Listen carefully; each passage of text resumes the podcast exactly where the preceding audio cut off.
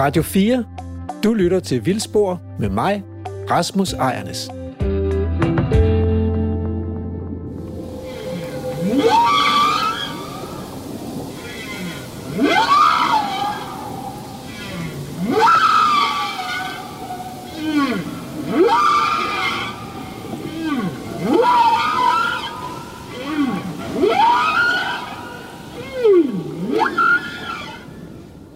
Er vi i gang. Det er Vildspor. Det er tid til Vildspor, og øh, i dag, der skal... Nej, ved du hvad? Jeg spørger lige dig, Andrew. Øh, mm-hmm. Har du set en valg for nylig egentlig? For nylig? Ja. Øh, nej, det har jeg ikke. Jeg ved. Har du set en valg i Danmark? Jamen, nu jeg bliver faktisk i tvivl, nu, hvor du spørger mig. Øh, nej, ikke, ikke uden for øh, øh, fang, fangenskab. Nej, for Ja. det, kan, det kan man jo godt, altså. Øh, Ja. Altså, Ja. de små valer der, ikke? Som Jo. sådan, man lige kan se sådan en rygfinder og hælfinder. Men at, altså, tæller et marsvin, så er det... Ja, det er en valg. Okay, det tæller med. Ja, Ja. okay. Og, men det var jo sjovere at bo i Grønland øh, med udsigt over Diskobugten fra Arktisk Station, og så kunne se øh, pukkelvaler. Altså, det er jo en kæmpe val, som Ja. jo faktisk er så adræt, så den ligesom sådan kan komme ud af vandet ind imellem os. Og, og der har du boet. Og der har jeg boet, ja. Ja. Fra 2004 til 2005. Så du har altså set dit fair share af valer. Det er jeg ikke blevet, føler mig bestemt ikke snydt, altså. Men jeg kunne godt tænke mig, at man, det kunne være fedt, hvis man også kunne altså, se nogle af de der store valer i Danmark. Ja. Indimellem Det kommer de også forbi, altså. Ja. Og der har været øh, nærmest sådan en folkevandring til nogle af de der øh, delfiner. I hvert fald kender jeg flere biologkolleger, der, der sådan er ræset afsted for at nå at se øresvinet dele, eller ja. nogle af de andre Fantastisk valer, der, små valer, Ja. der har været forbi.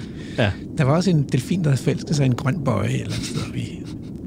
Nå, i dag skal det handle om valer, kære lytter.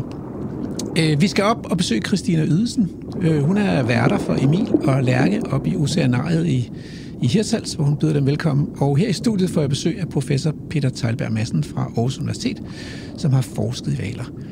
Øh, men skal vi ikke komme, øh, komme afsted til Hirtshals? Jo, det synes jeg. Nu står vi her øh, inde på Nordsøen Oceanarium, hvor vi øh, skal mødes med Christina Ydelsen, som, øh, som arbejder her, som, øh, som ved en masse om livet i Nordsøen. Og øh, Christina, pæn goddag. Ja, goddag. Det er jo, øh, det er jo dejligt, at vi, at vi må komme herop øh, og besøge dig helt heroppe i Hirtshals. Ja, jamen, I er jo altid velkommen. Vil du, øh, vil du sådan lige sige to ord om, hvem du selv er? Jamen, øh, jeg er jo vokset op faktisk i Hirtshals, og så er jeg uddannet som biolog i Aarhus. Og øh, så er jeg sjovt nok havnet her tilbage i Hirtshals. Og så man kan sige, Nordsøen også er livet herude, det har egentlig altid været lidt en, en rød tråd i, i, min, i mit liv. Og hvad er dit, øh, dit arbejde egentlig her på, øh, på stedet? Hvad, hvad sidder du egentlig med øh, til daglig? Jamen for uden at være, være biolog her, jamen, så er jeg også øh, udviklingschef, så er jeg også øh, involveret i en masse spændende projekter, og også om hvad der skal, ligesom skal ske her i fremtiden.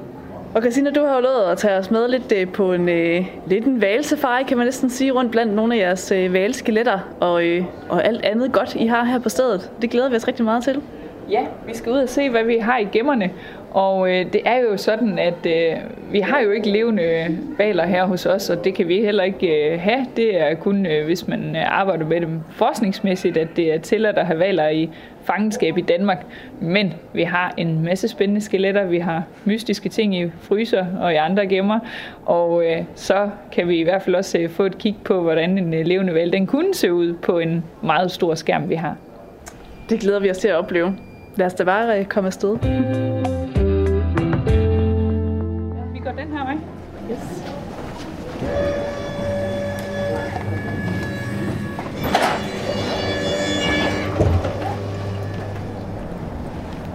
Og det er en skam, det ikke lige er sæler, det handler om i dag, for vi har simpelthen også, øh, vi har den, tror, den sødeste sælunge, man kan forestille sig fra sidste år. Nå. Og alle andre sæler, de sådan normalt gerne vil have deres personlige rum, og de vil helst ikke have noget med sådan, altså, de vil gerne ligge for sig selv, når de ligger og hviler et sted. Så hende her, hun vil kløs på maven og på ryggen og leges med, og, og det er alt fra vores rengøringspersonale til direktøren, der kommer ud og snakker med hende, fordi hun er simpelthen tiltrækker sig så meget opmærksomhed. Så hun er rigtig sød, men øh, ah, nu svømmer hun rundt et eller andet sted her herude. Men det er godt nok tit, man er lige nødt til lige at og som tilsjus til at gå herud en tur. Jeg lige ud og have lidt frisk luft. Jeg skal lige have lidt frisk luft, så går jeg lige ud og klør hende lidt bag lufferne, ja. Men det er mærkeligt, altså ikke kender, jeg, vi har aldrig haft en sæl, der har givet det der sådan helt af sig selv. Det kræver lang tids træning bare at få lov til at håndtere dem og røre ved dem og, sådan, og åbne luft og sådan noget. Det synes hun bare er fint. Det er herligt. Det er fantastisk. Ja. Og nu er spørgsmålet, om vi kan finde på en eller anden listig måde til at beholde hende på. Ja. Måske skifte faren ud i stedet for. Så skal I se her, der er lige lidt øh, bølge og bakkedal, vi går hen over her. Ja. Det er mellem klokken af marsvin. Leje marsvin. Valforskerhytten. Ja. Herinde, der har vi dyrket lidt øh, en, øh, en anden side af det med valer, nemlig det med forskning i valer i Danmark. Så vi har, vi har også haft en del dissektioner heroppe efterhånden, øh, sådan af, af større, større valer, ågeval og øh, ja, hvad mere har vi haft? Forskellige. Det er nu lige vågevalen, der var der på filmen, der kører. Ja. Og, øh, og den ligger faktisk øh, i et kar heroppe på pladsen nu, skelettet. Og det har vi fået lov til at beholde. Så det okay. er meget, øh, meget spændende. Det, det regner vi med, det skal herind og være en del af udstillingen også. Ja. Så vi kan Sejt. bruge det endnu mere Ja. ja. til et eller andet god formidling. Det er også et sted, hvor vi har rigtig mange skoleklasser med ude her igennem. Her er lidt det her kort, det er sådan lidt, vi opdaterer en gang imellem. Nå ja. Men det er faktisk, øh, jeg tror, den trænger til at blive opdateret igen. Ah, her. Almindelig delfin, den er på fra Aalborg. Ja, og hvad er der, Ja. hvad er der ellers her? Jamen, så har der været, der har været spækhugger, de kommer også omkring grenen hvert år. Vi har haft, øh, jeg tror, den fra Svendborg, det må være den her. Ja, Øresvin, nemlig, ja. Delle. Nemlig, Er det ikke ja, det må være Delle, ja, nemlig. Jeg har hørt, den har fået navn, lige præcis. Og så ellers også, altså også døde øh, valer, hvad der er fundet. Øh, og der er jo der er mere end det her, men vi har også udvalgt nogle af de sådan mere spændende ting. Og så Ja. har vi også nogle på, som egentlig er ældre dato, ligesom finvalen, men fordi det er så usædvanligt, så kan den godt ligesom få lov til at, at blive der, og vi har skelettet her også. Ja. Så giver det mening, at den bliver her. Men ellers en gang imellem, når der er noget nyt spændende, så kan man godt komme herud og putte det på kortet, for at man kan give folk en fornemmelse af, at der er faktisk altså mange forskellige arter af delfiner og valer i Danmark. Og, øh, og det kan det jo være lidt et billede på. Ja. Øh, Den her, øh, den her spækhugger, der er her, Ja. der ser det ud som om øh, prikken nærmest er helt inde i Aalborg, eller Ja, tæt på i hvert fald, i øh, det er i Limfjorden. hvert fald langt inden, ja. Og hvad ja. står der? 23. i 7. 2020? 23. 20, 20, 20, ja, nemlig. Det er jo igen et par måneder siden. Nej, Det tror jeg Nej. simpelthen var gået min øh, næse forbi, det at der har været spækhugger helt inde i tæt på det, er gået min næse forbi, men jeg ved, de kommer omkring grenen faktisk øh, hvert år, når der går sild og makrel ind, så, ja. hvor at, øh, jeg ved da, dem der sidder der og kigger på efter fugle deroppe, de ser dem jo faktisk øh, med, ofte så. Ja, Så Det er jo egentlig en, det er også en god kilde for os, lige at høre det fra dem. ja. ja. ja, når de sidder der med deres store kigger, der Ja, nemlig. efter fuglene Ja, ud over havet. så kan de se alt, ja. Ja. ja. Og de kommer forholdsvis tæt på land, når de kommer rundt der. Ja. Så det er, det er rigtig fint. Der er, jo, der er jo alligevel meget spændende, mange spændende havpattedyr, når man sådan lige får lidt øh, samling på det. ja, det her det er jo bare... Det her det er vel kun et, et lille udsnit af det. Ja, det er det. Det er det. Jeg tror, som sagt, så tror jeg, at det, skulle, det kunne godt blive endnu mere opdateret, det her kort. Og hvis vi puttede alt på, bare hvad der er set i de sidste par år, så er det jo alligevel rigtig mange Ja. observationer. Og så er det jo så spørgsmålet, om der er nogle af dem, der flytter sig rundt, som er det samme dyr måske, som bliver set flere gange forskellige steder. Ja. Det kan man jo så ikke helt vide sig sikker på. Så det må være lidt med forbehold. Men der er alligevel øh, overraskende mange, i, også i Limfjorden. Ja. Det er det, ja.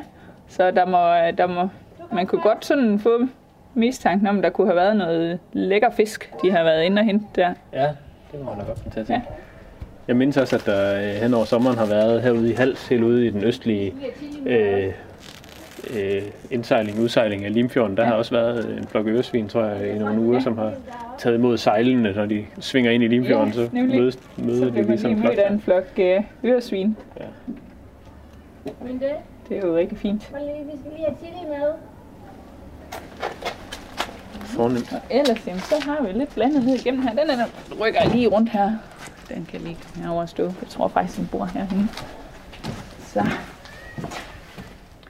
Ellers så prøver vi at sætte fokus på, at det her med, at der også er to grupper af valer. Tandvaler og bartevaler. Og, og ligesom også at få fortalt den historie også, at det jo egentlig grundlæggende er to vidt forskellige måder, de lever på. Ja. Og det er så repræsenteret her med, med noget vågeval, skelet, og så har vi både kaskelot og grindeval som øh, tandvaler hernede igennem, og så får vi snart et marsvin også. Udenfor, der ligger så skelettet af finvalen, så har vi lige en barteval mere. Ja. Og når vi får vågevalen ind, så er der endnu en. Så det begynder at, at ligne lidt. Det går lidt med en drøm om at få udvidet hytten her. Ja. til at, ja, vi ved ikke, om vi bygger ovenpå, eller bygge ved siden af, eller gøre et eller andet. Ja, det kunne, øh, det kunne være kønt, at vi fik plads til, til endnu mere af det her. ja. Jamen altså, man kan sige, den hytte, vi står i nu, hvad, hvor lang er den? 20-25 meter lang, eller 20 meter lang? Ja, det er nok... Øh, Øh, og så er den Deromkring, ja. 5 meter bred, eller Ja. 4 meter bred, Ja. eller sådan noget, ikke? Og og der er stadigvæk plads til, at man lidt, godt øh, kunne... lidt valskeletter og noget rundt omkring. Ja, En meget fin lille udstilling, faktisk. Og så er nogle af de, sådan, hvis man sådan går ned i detaljerne rundt omkring, så er der faktisk noget ret sjovt i gemmerne, for vi har fået en masse gammelt udstyr, der har været brugt øh, på Aarhus Universitet og også nede i Syddansk Universitet. Det her det er, det er Peter Teilbergs gamle øh, tag til kaskelotvaler, som han brugte okay. i uh, sin Ph.D. Og det er jo altså virkelig sjovt, at vi får lov til at have det her og udstille det. Og en gammel rusten kabeltrummel, som man tænker, den må være virkelig gammel, men den var i brug så langt hen som i 2010 Okay. til lige at sikre Så hydrofon og ingen, udstyr, der kom ned, sådan at øh, det ikke forsvandt ned i havets øh, dyb. Det var sådan lige en ekstra sikring af ja. noget udstyr. Ja. Så det kan godt være, at det så rusten ud, men det, det holdt åbenbart øh, fint. Ja. Og så har vi fået lov til at få nogle andre sådan, øh, hvad vi kalde det, kuriositeter. Der er noget, øh, noget gamle øh, optager, og vi har også øh, der er nogle gamle hydrofoner hernede. Og de kommer faktisk fra, øh, fra Sverige. Det har været Magnus øh, Valbergs øh, udstyr, det her, en gang, som, øh, som vi har overtaget til at stå herinde og give sådan lidt et øh, præg af noget realistisk. Ja. Der faktisk foregår... Øh, Og det er jo det sjove ved forskning i valer. Der er utrolig meget udstyr, man slipper med sig ud. Det er, det er tungt grej, der ofte skal med ud, når de skal undersøges. Så jeg synes, det var fedt at få noget af det med ind i uh, fortællingen her. Ja. Hvor, er der blændet hernede. Den her, den er jo sjov. Den har siddet på, ja, det her tag har siddet på uh, uh, tanden af en narval. Okay. Og også, øh, jeg tror, en tidlig udgave af, hvad man brugte til at udstyre valer med. Så den, er, den synes jeg, det er en af de sjovere.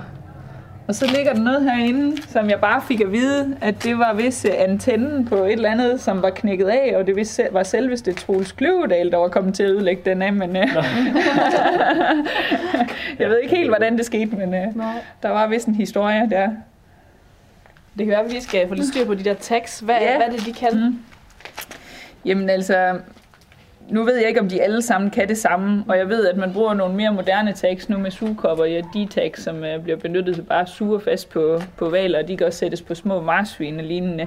De er større her, de, øh, det er jo lidt en anden sag, men jeg tænker, at de har målt noget af det samme, altså sådan noget som uh, dybde på, med at måle tryk, og det kan være, at de måler hastighed, acceleration, øhm, sådan noget i den stil, så man får en fornemmelse af, hvordan dyret det bevæger sig under vandet, og hvor hurtigt og hvor dybt og hvorhen og hvor lang tid også. Det er sådan ting, som er gode at vide, når man forsker i valer. Ja, for man kan ikke komme ned under overfladen, nej. Nå, det her over, det var, det var vist lige, øh, det er, det var modellerne. Det ligner, øh, det ligner en af kasserne på mit øh, børneværelse, da Ja, jeg var en. Jeg havde altså også en del af de der plastikvaler i øh, miniatyrstørrelse der. Vores øh, skoletjeneste bruger det mange gange til at tage ud, så man lige kan sammenligne øh, dem og se noget, hvordan et dyr rigtig ser ud, og ikke bare skelettet. Så på den måde kan de her plastikmodeller egentlig, små legetøjsmodeller, jo egentlig Ja. være fine nok. Og så ligger der altså også lige en kaskelot-tand herinde også, som også er låst inde bag lås og slå. Okay, det er alligevel nogle store tænder, de har. Ja, og så er det endda en af de sådan, hvis en mindre tand oven i købe. De kan blive ret store. Ja, hvad man siger, det største tandbærende rovdyr på jorden, det er en kaskelot. Så Det er også en det er sejt nogle kort. gode store tænder, ja. Ja. ja. Nemlig. Men vi kunne også lige svinge ud og se på øh, det, det store skelet herude, som godt nok ikke har nogen tænder jo, for det er jo sådan en bartevæg. Den kommer den her vej.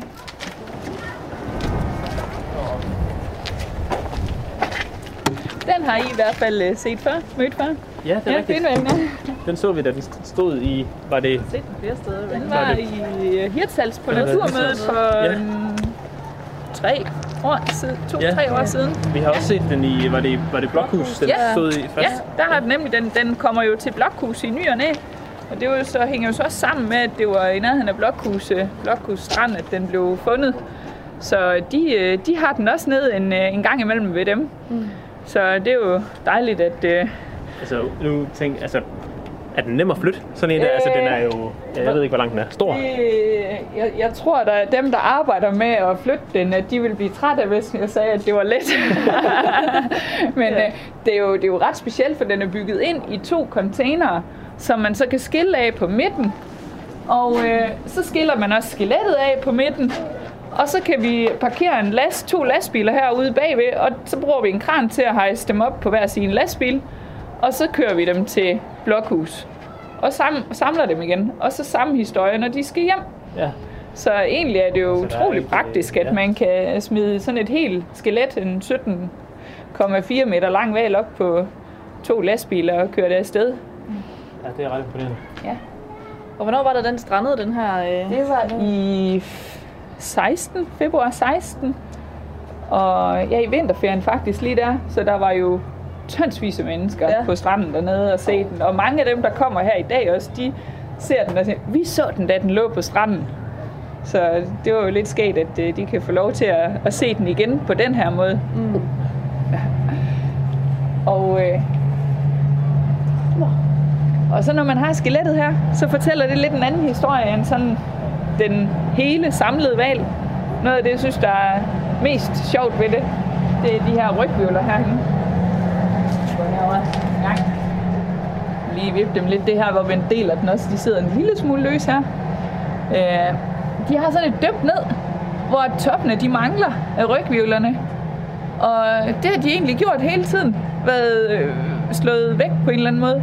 Så det, som øh, var mistanken, det var, at øh, den måske har været påsejlet af et skib på et tidspunkt. Så den har muligvis haft utrolig ondt i ryggen.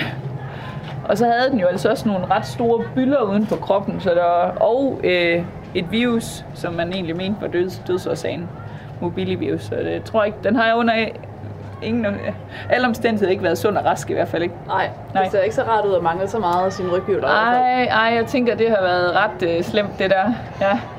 Egentlig sjovt, hvordan de, de, det kan jo godt have ligget derinde og været indkapslet, og så er det forsvundet i macereringsprocessen, når vi har øh, ligesom øh, fået øh, knoglerne øh, frem, og så har de bare været smuldre måske og forsvundet. Så væk er det i hvert fald. Og hvad skete der så med, så blev den ligesom, øh, jeg har jo billeder af det her nede bagved, at den blev parteret og alting. Ja, Og så er skelettet jo så fint blevet, øh, blevet renset Ja. og gjort ved. det lå, det lå også i en stor container, hvor man fik sat varmt vand på, og så lå det og rødnede i rigtig lang tid og forpestede luften øh, ud over hele området her. Også forskerpakken her bagved, de måtte lukke på det i flere måneder. Og, øh, og så fik, måtte vi jo skylle det ud flere gange, og til sidst så kom der, der kom noget på, der fjernede, der trak fedt ud, og så kom det jo så også i brint og ilde, som mange der måske også øh, har måske siddet med det rådyrtrofæ her, ved man lige skal have brændt og ilde på til sidst, så bliver det fint bleget knoglerne. Men de var helt kridhvide for et par år tilbage. Men nu begynder de sådan at guldne igen ned under halen. Og det er altså rester af olie, der trækker ud. Og man kan faktisk se, hvis man går og kigger hernede under i at det der samtidig er sådan nogle, nogle drøb ned fra det. Så man kan godt få fedtede fingre stadigvæk, så lugte lidt af valg, hvis man rører ved den. Ja. Det er en del af oplevelsen, tænker jeg, man får med. Ja, helt gratis. Det tager vi ikke mere for. Helt gratis lidt Nej. øh, Ja, vallugt. ja, Hvor almindeligt er det sådan en val her strander i Danmark? meget ualmindeligt. Det er få, der har været, øh, og i, i hvert fald på den jyske vestkyst er det få. Jeg tror, der er et andet i det her øh, inden for 100 år, men så har der været nogen på, på den i inderdanske farvand i fjorde. Så øhm, der, øh, det har muligvis noget at gøre med, at dem, der dør herude på, ligesom på vores side, på vesttiden, at øh, strømmen fører dem væk, eller de øh, går til bunden til, der sker noget andet, i stedet for, at de skyller i land. Så det kunne være en del af forklaringen måske. Ja. Mm. Virkelig et enormt dyr, må man sige. Ja. Nemlig. Men det er da i hvert fald, øh, man får da i hvert fald en fornemmelse af størrelsen, når man så stiller mm. sig ind øh, her i midten af maven. Ja, man på kan jo virkelig hvalen. stå inde i Ja, det kan man. Det kunne du jo godt lige ja. prøve, Lærke. Stå derinde en gang. Se hvordan. Ja. Og så kan man jo så være glad for, at det ikke er mennesker, den spiser, men bare ja, fisk. Og Ja. Mm. Vi rykker ud her engang. Men det var i hvert fald sådan lidt af, hvad vi havde herude i den her afdeling her. Ja. Jeg tror måske, vi skal have rettet lidt på benene her under. Jeg synes, de ser en anelse skæve ud. Der er måske nogen, der har fat i dem sådan der. Det Det er er, benene simpelthen på en, øh, Ja. en val. det er jo... Um, egentlig har den jo ikke ben tilbage. Men det er rester af hoftebenene, som sidder her øh, hvad, en lille meter under rygsøjlen. Og når man har sådan et, øh, et skelet, hvor der ikke er kød og muskulatur på længere til at holde dem op, så er man nødt til at sætte et øh, jernstativ til lige at holde dem fast med, så de bliver placeret i det rette, det rette sted. Og der er mange, der undrer sig over, hvad det her det er for noget, der hænger dernede og, og svæver rundt. Men det giver selvfølgelig stadigvæk mening, der lige er en smule knogle tilbage for at give lidt øh, stabilitet til muskler og til mm. kønsorganer, som også øh, ligger hernede i den her omegn her. Så det er lige det er resterne af, hvad der har engang har været bagben i deres øh, forfædre. Ja. Ja. Ja, så får man virkelig lige øh, tydeligt bevis på, at de jo altså er kommet den vej fra, og det er ikke fra vand til land, når det Ja. lige gælder val- valerne, men fra land til vand. Netop. Ja. Netop, ja. Mm.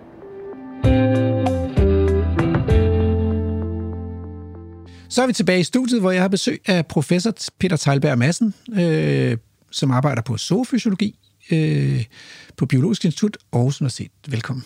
Tak skal du have. Spækhugger, øresvin, stribet delfin, almindelig delfin, finval, kaskelot. Altså, det er jo vildt eksotiske dyrenavne, men, øh, men øh, når vi nu taler om valer i Danmark, hvad taler vi så om? Jamen, så har de jo alle sammen været her og kommer her også med jævn mellemrum. Øh, men altså, hvis vi nu skal tage den sådan helt jordnært, så er marsvinet jo sådan vores eneste ynglende val. Øh, hvor man sådan med sikkerhed kan sige, at vi har mange af dem, og de er her altid. Men de andre kommer øh, med jævn mellemrum. Øh, nogle gange ligger de så op på stranden og lægger sig til at dø af nogle grunde, vi stadig ikke helt forstår. Og andre gange øh, slår de et slag ind i en af dansk farvand, og så går de ud igen. Øh, og spørgsmålet er så, om de altid har gjort det, og vi bare ser dem ofte og rapporterer dem på sociale medier, og der er meget mere opmærksomhed på dem, eller om, om det faktisk er, fordi at de kommer i stigende grad. Altså, altså, nu stiller du et spørgsmål. Spørgsmålet er om, men det er jo mig, der stiller spørgsmål, så... men vi ved det ikke, eller hvad? Nej, det gør vi ikke, fordi øh, den gennemsnitlige dansker er jo blevet frygtelig interesseret, synes jeg, i den verden, der omgiver os, og vi er hurtige på mobiltelefonerne til at tage billeder og sende det ind på en hjemmeside osv., Så jeg bliver tit spurgt, øh, kommer der flere delfiner i Danmark på grund af global opvarmning? Og det, det, det tror jeg faktisk ikke, der gør. Jeg tror til gengæld, at vi er meget mere ops på dem, når de kommer. Mm. Der bliver taget billeder af dem, og de bliver lagt på nettet, og folk tager ud og ser dem, og så bliver der lagt flere billeder på, og så er der lige pludselig, er der så en eller to delfiner, er den samme, man har set osv. Mm. Jeg tror, vi har haft dem som gæster med jævn mellemrum i mange år, men øh, vi lægger mere mærke til dem. Så vi er en lilleput-nation med lilleput-valer, kan, kan man... Ja, yeah, Ja. det kan man roligt sige. Okay, men altså, hvad er det egentlig... Øh, hvorfor... Hvad er det, der bestemmer valernes fordeling? Fordi, som jeg sagde i indledningen, så har jeg boet på Grønland, og, og det er så et stort land med store valer. Men det ved valerne jo ikke noget om. De er jo bare ude i havet, så hvorfor, hvorfor er de der store valer så oppe i, øh, på, langs med Grønlands vestkyst og inde i Diskobugten? Og hvor, hvad, hvorfor er Danmark ikke god nok? Jamen, det korte svar er mad.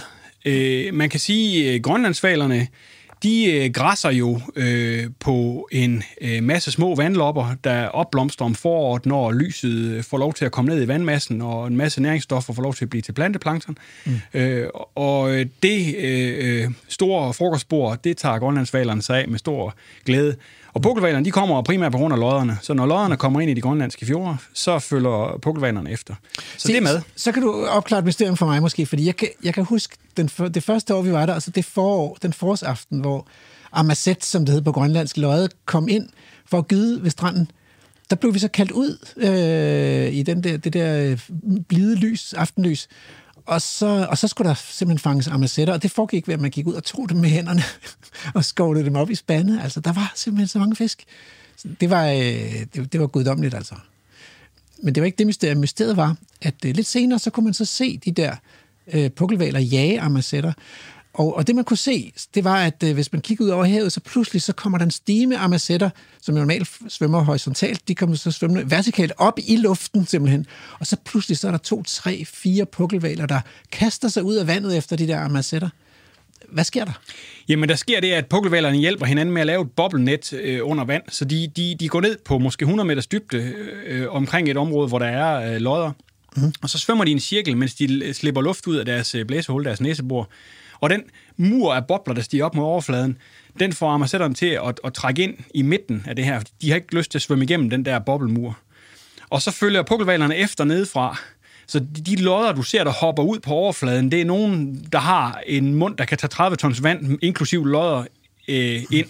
Så de, de, de springer bogstaveligt talt for livet. Wow. Det, det ser simpelthen så fedt ud, at man tænker bare, uh, altså hvad sker der? De, de, de, hvor meget vejer sådan en pukkelval? Altså, det, 30 tons cirka. Og de springer ud af vandet? Ja, sådan, det, Halvt, nogle, ikke, altså. nogle af dem, jamen hvis de vil, kan de godt få hele kroppen ud af vandet. Det koster så lidt, men de kan. Wow. Jamen, det er simpelthen så vildt. Men, men du siger, at de er der for mad. Øh, men altså, men vi mennesker har jo også blandet os lidt i de der valer. Altså, øh, vi har været valfanger i, det ved jeg ikke, hvor mange, om det var 100 år eller 200 år, eller, men der, der valfangsten har jo gået på, ikke? Øh, i starten måske på små valer som jagtbytte, men så efterhånden også med kæmpe store skibe, hvor man bare, ja, det var sådan et eventyr, ikke? Ja, det var jo den tids øh, olierevolution, kan du sige, øh, at det starter med for 400-500 år siden, at baskerne fandt en måde at slå retvaler ihjel på. Retvaler hedder retvaler, fordi at det er de rette valer, fordi de er langsomme. Mm. Og når man slår dem ihjel, så flyder de, fordi der er meget fedt i dem. Mm. Øh, og det var meget succesfuldt set ud fra et valfangssynspunkt, fordi de fangede rigtig mange af de her retvaler.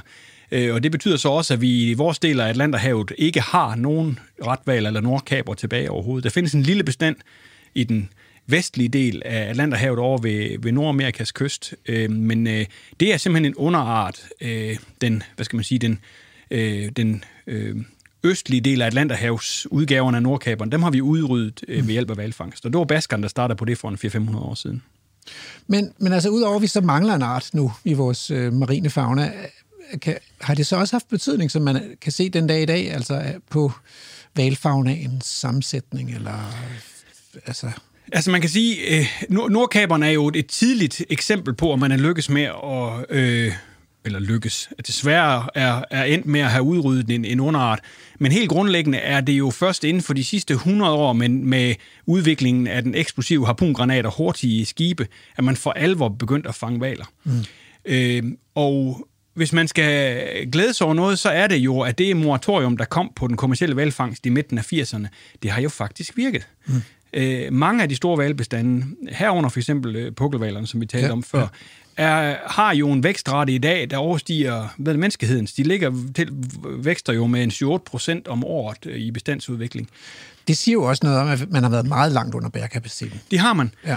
Men jeg synes, øh, at vi skal glæde os over, at vi som mennesker kan erkende, at vi er i gang med at gøre noget, der er rigtig dårligt for biodiversiteten, og så man stopper med det, og så faktisk kan se, at det nytter noget.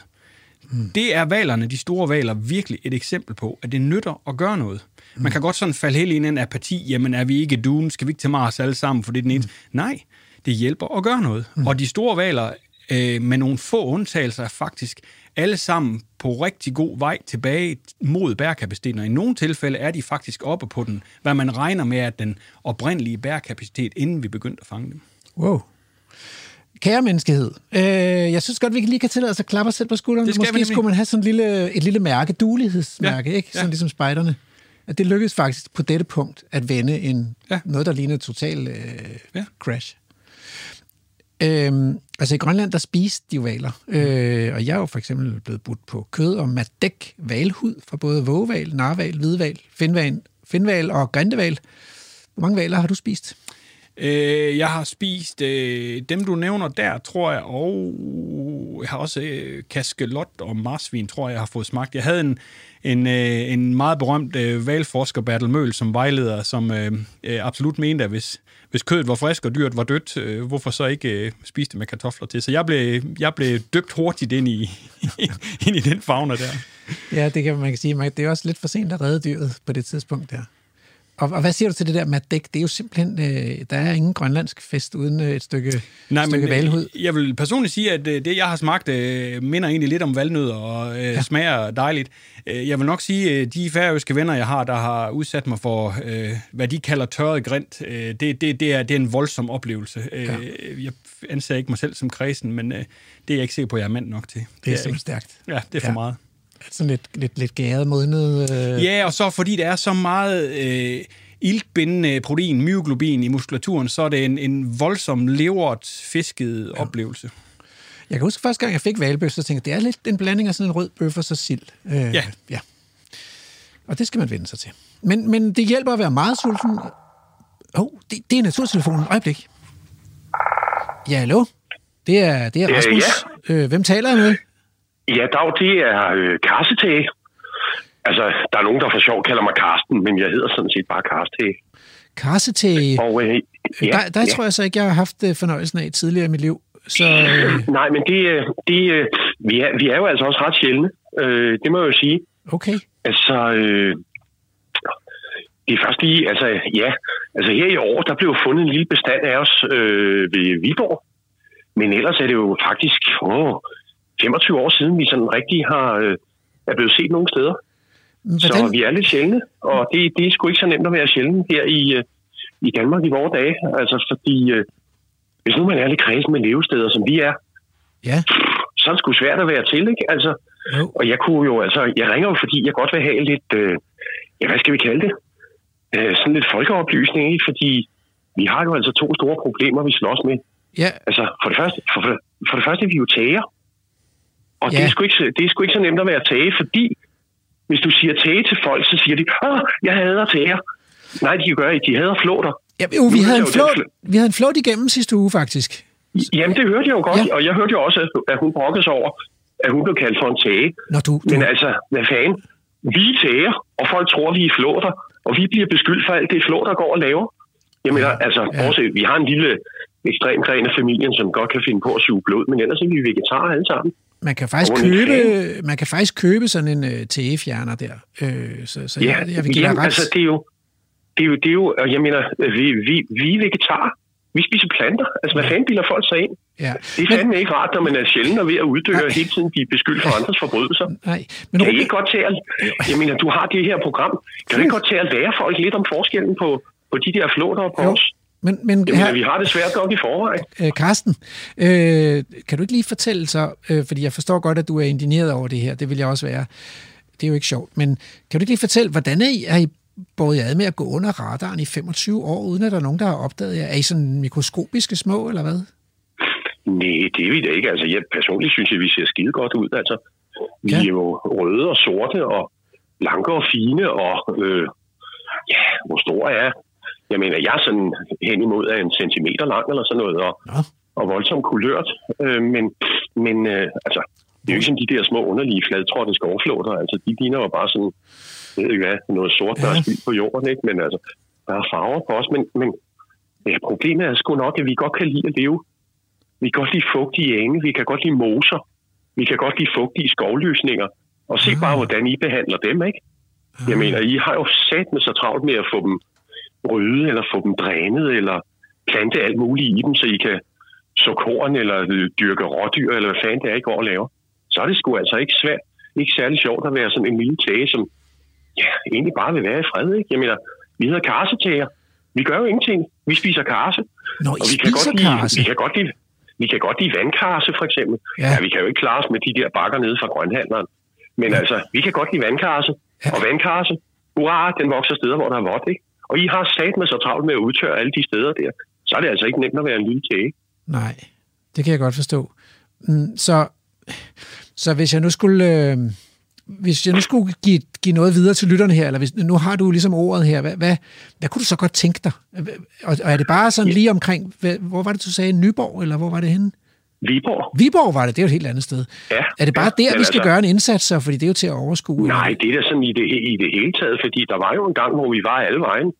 Nå. Men altså, jeg har jo ikke så meget kontakt med familien, og vi lever jo altså ret stilfærdigt, så jeg ved ikke, om der stadigvæk er nogen af os okay. i Okay. Nordsjælland, eller på Lolland, eller nede ved Åben Rå, hvor vi som tidligere har været i hvert fald. Så det er en landsdækkende, sådan- landsdækkende indsats, du taler om i virkeligheden? Ja, jeg synes ret, ret generelt, at vi, I mennesker skal sgu altså passe på de steder, hvor... Ja, det kan da godt være, at I bliver lidt våde om tæret, men vi er altså mange dyr, der godt kan lide de der steder, ikke? Mm. Og når man så samtidig er udsat for... Ja, altså...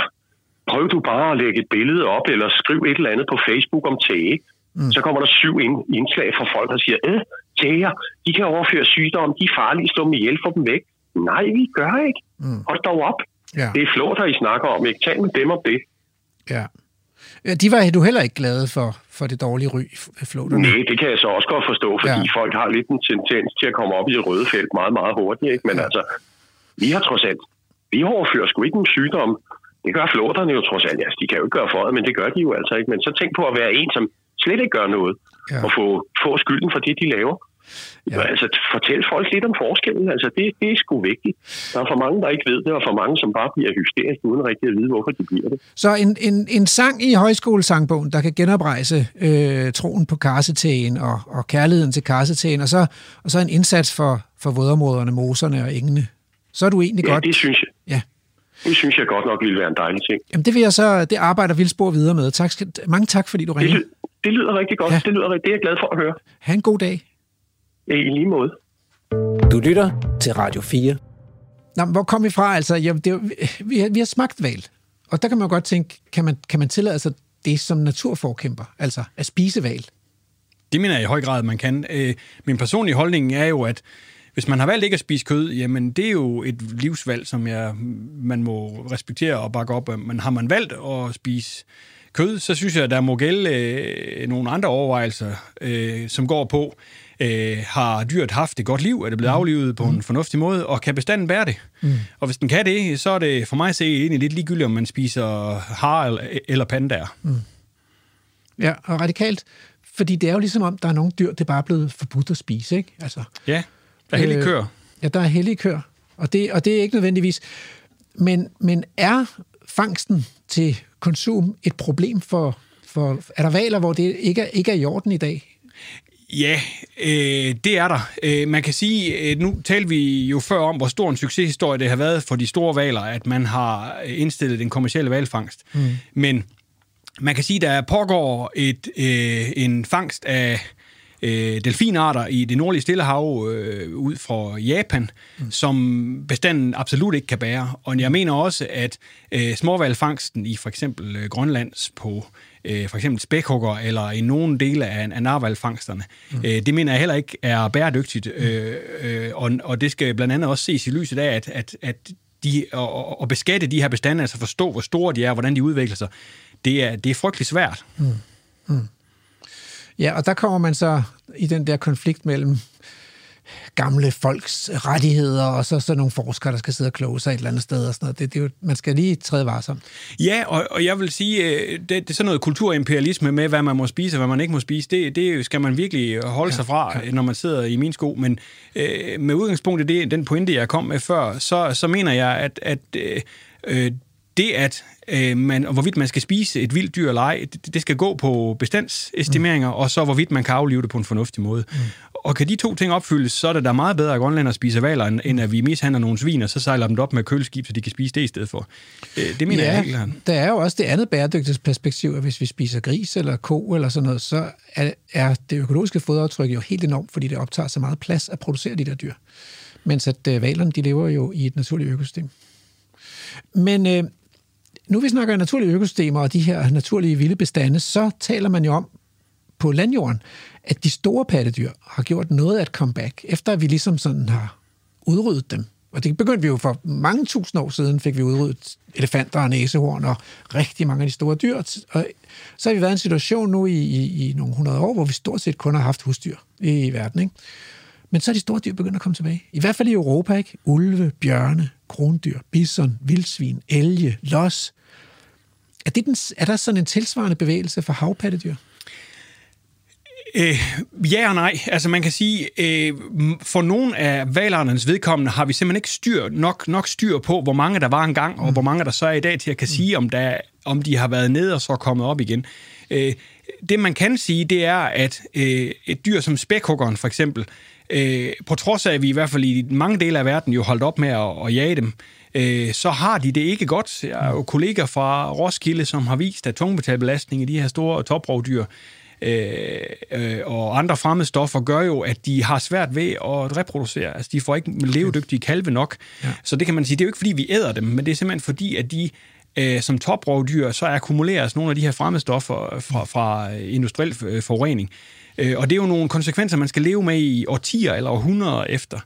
Og, og jeg håber på, at de prognoser, som der er tegnet af det der, de har vist sig at være for pessimistiske. For hvis de ikke er, så er der øh, en del øh, spækhuggerpopulationer i verden, der simpelthen øh, står over for udryddelse ved, at der ikke bliver født babyer nok simpelthen.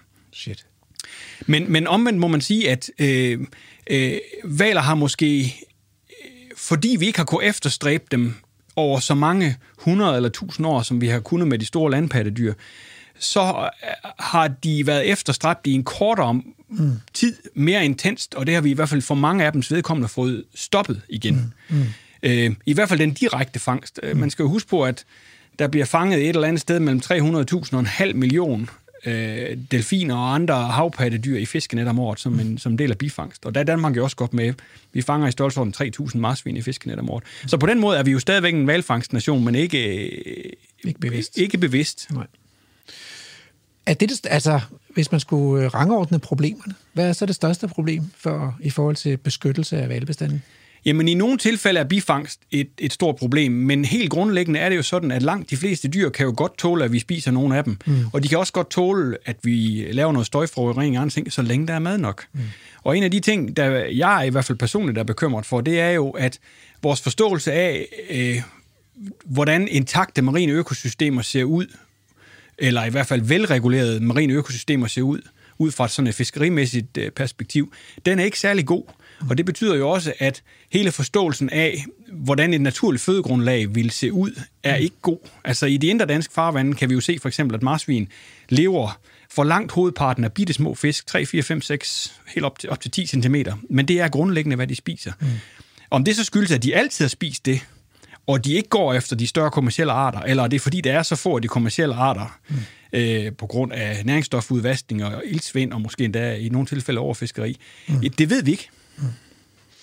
Men så kan det også være, at, øh, at det bliver svært at svare på det næste, fordi mit næste spørgsmål, det var så, at vi ved jo, at de der store dyr har ekstremt betydningsfulde funktioner i økosystemerne, altså især de store planteder, som bestemmer, om der, skal, om der bliver skov, eller om der bliver åbent land, og dermed også, og om træerne bliver skadet eller ej, og de, de lægger også noget afføring, som er levested for en masse biller og svampe, og, og så fugle, og så de betyder meget for hele økosystemkredsløbet og hele kulstofkredsløbet i økosystemet.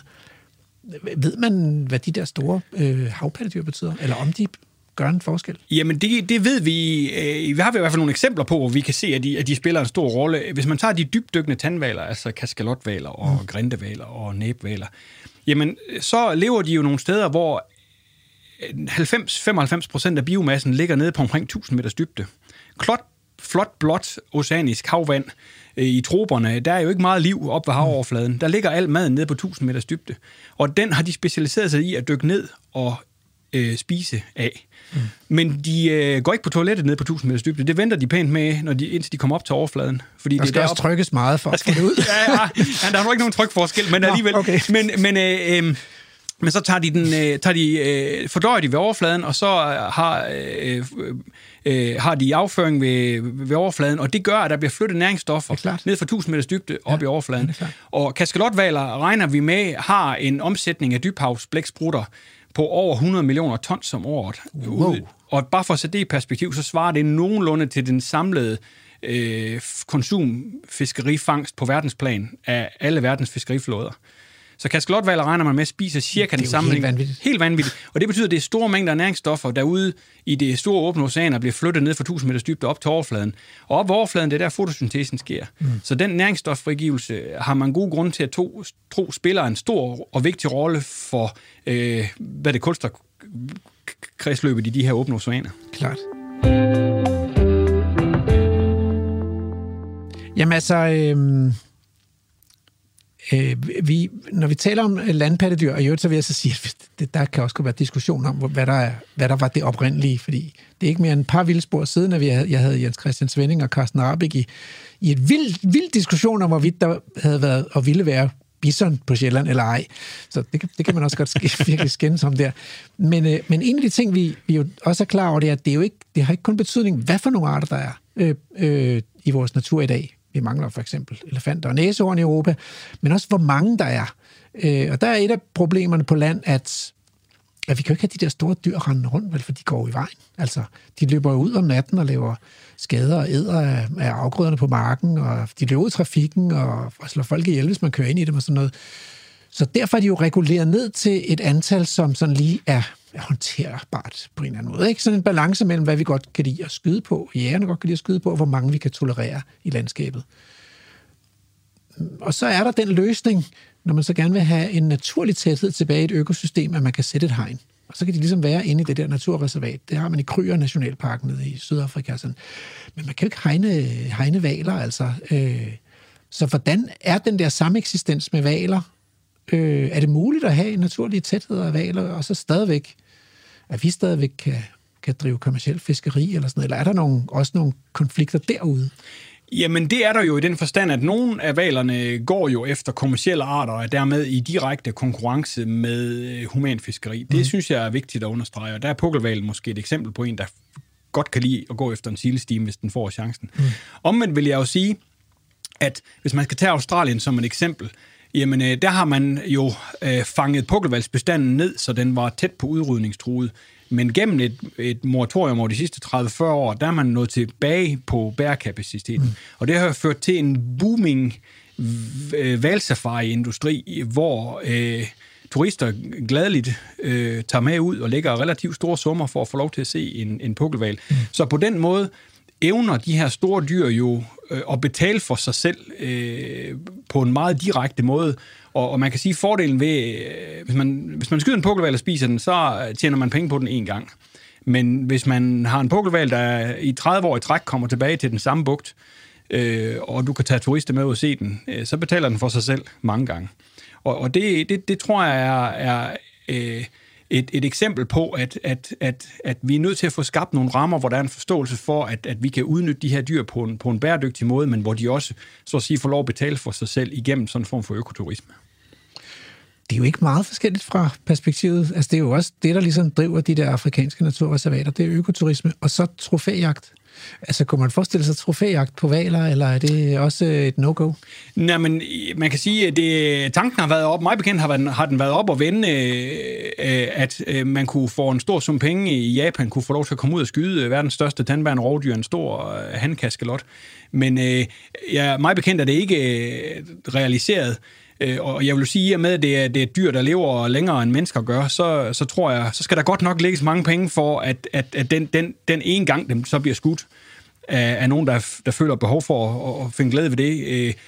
Det beløb skal være stort i forhold til, at, at, at man kunne have glæde ved at se den. Mange, mange mennesker kunne have glæde ved at se den mange gange over, over hele dens levetid. Wow, hvem kunne finde på, altså hvem kunne få sig selv til det? Det altså, tror jeg, der er mange, der Nå, det tænker du ja, alligevel stadigvæk? Det, det tror jeg. Det er, ja. Ja, fordi det er jo ikke rigtigt, jeg ved ikke, er der sport? Der er ikke så meget sport i det, vel? Altså, de er jo ikke mega hurtige. Så kunne jeg forestille mig, at spækhugger tager ud i en lille båd og jage spækhugger, ikke? Der er sådan lidt mere, du ved, mand mod rovdyr. Ja, man kan sige, at det er jo en 250 hestes Yamaha motor mod, mod dyr. Det, det ved jeg ultimativt ikke, hvor meget sport der er i. Nej, øh, nej. Ingen fingerpegning af jagt i øvrigt, men jeg vil bare i al forsigtighed sige, at jeg tror på, at så store dyr som valer i højere grad kan betale for sig selv gennem øh, økoturisme, end, ja. end, at, end at man starter en, en, en jagt på dem. Ja. Hvor gamle bliver de egentlig, de der valer? Jamen, de kan blive gamle. Altså, retvalerne, som vi talte om tidligere, og navnlig Grønlandsvalen, som du har haft glæden ved at se op i disco, ja. øh, har man jo gode beviser for, kan blive mere end 200 år gamle. Så det er jo de længst levende pattedyr på jorden. De lever vel længere end dobbelt så længe som os mennesker. Øh, så det, det er jo også det, der er en udfordring som biolog, at studere noget, der lever vel længere end en selv. Se, øh, det skal vi nemlig snakke mere om i anden time. Det der med, hvad er det egentlig for nogle dyr, de der valer? Altså, og hvor, hvor, hvor, hvor, hvor ens er de egentlig med os mennesker? Hvor, eller, eller gør de bare, er de bare nogle helt andre dyr? Og kan vi forstå øh, valerne.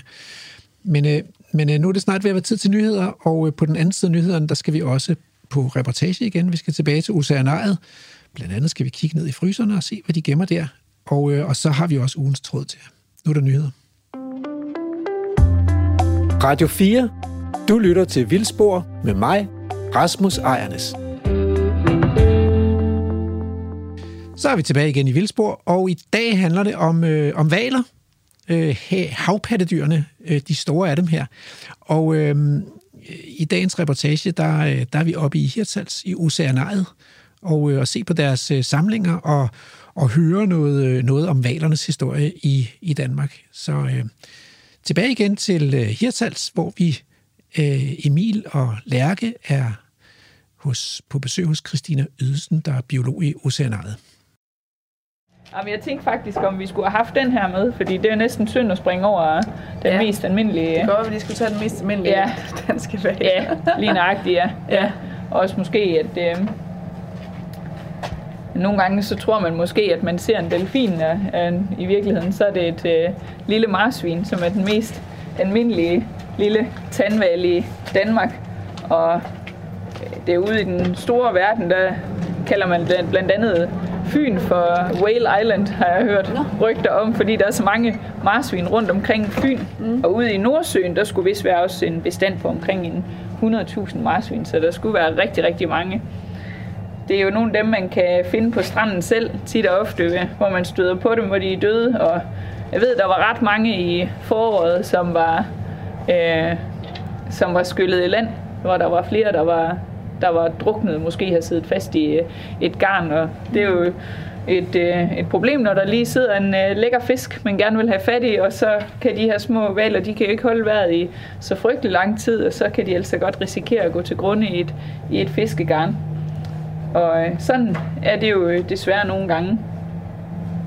Men øh, her på øh, her ved os øh, på væggen her, der kan man øh, få lidt en øh, fornemmelse af noget af det arbejde, der også øh, er i at undersøge nogle af de her døde marsvin. Og vi har også fået fat i et af dem fra stranden, og så kan vi jo lige så godt bruge det til noget fornuftigt. Få øh, undersøgt, hvad den, hvad den døde af, og var det han eller hun, og, og øh, er der måske nogle øh, relevante prøver, man lige kunne tage fra det til at sende til nogen, som, som arbejder med, med marsvin. Så der blev det også lige øh, undersøgt, og der kom også øh, nogen fra Aarhus Universitet og, og lige hjalp os med at, at kigge på sådan et marsvin og fortælle om det til, til en masse nysgerrige gæster på det tidspunkt, der var der. Og noget af det, de kiggede på blandt andet, det var sådan noget som spek- specklates tykkelse, fordi det siger også noget om, hvor god foderstand var den i. Var den ved at sulte, eller var den egentlig i fin stand? Og så kan man, det kan også give et fingerpege om, hvorfor den er gået til, til grunde. Så det var, altså, det er jo altid en vældig spændende oplevelse, når man får lov til at se fra yderst til inderst øh, for, med egne øjne med sådan et dyr, der bliver obduceret eller dissekeret, som vi siger, når det, når det er dyr, det drejer sig om. Men den her, den kan man i hvert fald sagtens være heldig at se selv.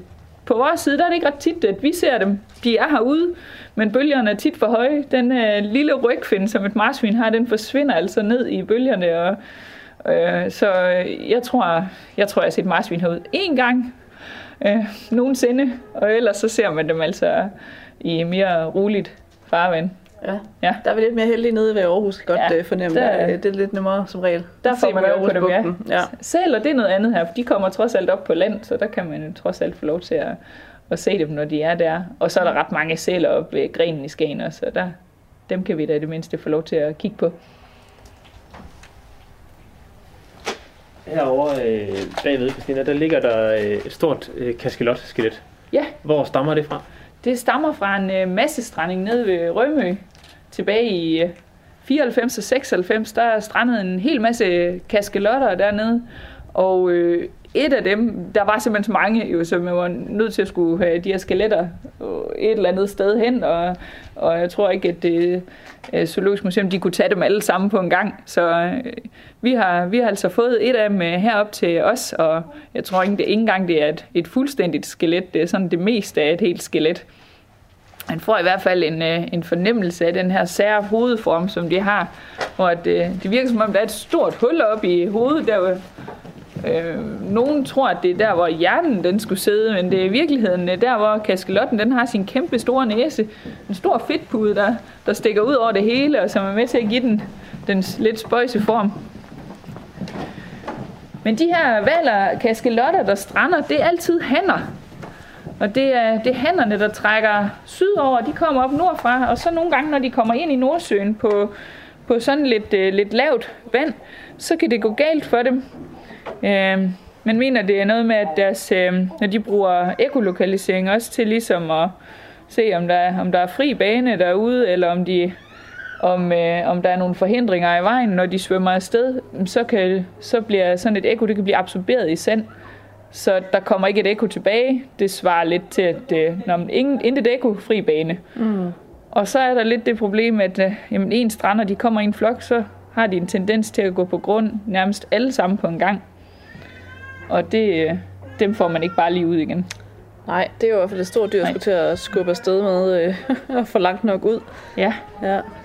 Så det er jo, det er jo lidt, øh, lidt trist, men sådan er det altså med noget, vi ser engang. Nu er det heldigvis lang tid siden, jo, vi har set det sidst, så mm. man kan jo håbe, at de har lært at svømme øh, enten udenom Nordsøen, øh, vest om Irland, i stedet for at ned til Azorerne, hvor de skal ned og mødes med hunderne. Så det kan være, det er, at dem, der er tilbage, det er de kloge, der har givet, givet deres gener videre, man ved aldrig. Altså, jeg kan huske de der kaskelotter på Rømø. Jeg sad øh, der i, det har nok været hvad sagde du, 96? Ja, 94 og 96 deromkring, ja. ja. det har nok været dem i 96, ja. jeg så, ja. tror jeg. Ja. Hvor jeg sad i, øh, i skolen, øh, så en dag så kom, eller den dag, kom min far så ind i en af timerne og hentede mig og sagde, Emil, når du fri resten af dagen, vi skal til Rømø og se kaskelotter. Og så øh, blev jeg sat i bilen og kørte afsted til, øh, til Rømø, lille knægt på syv år, som øh, stod og kiggede på de der, eller 96, så har været ni, ja. Og min lillebror var også med på tre. Han synes også, det var, altså, det var et stort... Ja, det, det gør nok indtryk, stor, det tror jeg. Stor val. Ja, ja, og ja. man kan jo bare se med de på billedet, vi har af dem, hvor de ligger strandet, og der holder en, øh, en eller anden form for falkbil eller redningsbil ved siden af, den er jo lille bitte i forhold til de der store valer. Og der kan man også se tydeligt på billedet, at det er hanner alle sammen. Ja, det kan man. Ja, for de er svulmet op, så penis den er simpelthen presset ud af kropshulen. Og der ved jeg, at det er noget af det første, man gør med de her døde valer, det er jo også at gå rundt og punktere dem. For vi har set mange eksempler på, hvad det sker, hvis man ikke får gjort det. Så kommer der simpelthen så mange gasser i kropshulen, så de kan eksplodere. Det skulle vist ikke være så rart. Nej. Nej, man stå i nærheden af det. Ja. Tungen er også øh, kommet langt ud af munden, og så er underkæberen væk. Men øh, man saver simpelthen underkæberne af, for også at gemme tænderne. Nu har vi jo en tand her også, der er låst inde. Og det er, det er nogle værdifulde tænder, og de bliver altså gemt. Jeg er sikker på, at de findes i et øh, stort lager på museum. Mm. på Zoologisk Museum sikkert. det er altså nogle imponerende dyr, det må man bare sige. Det er lidt sjovt alligevel at stå og kigge på det her skelet. Altså for 24 år siden, der stod jeg og kiggede på, da den stadigvæk havde øh, ja. hud og hår, havde jeg sagt, mm. øh, spæk og hvad den nu ellers havde, var en hel valg, ikke? bortset fra underkæben, der var væk, da vi kom derned også. Øh, det kan jeg nemlig huske, det var meget specielt, at, at underkæberne var væk, da vi kom ned og så de der valer der. Det er alligevel lidt sejt, den bare lige ligger der.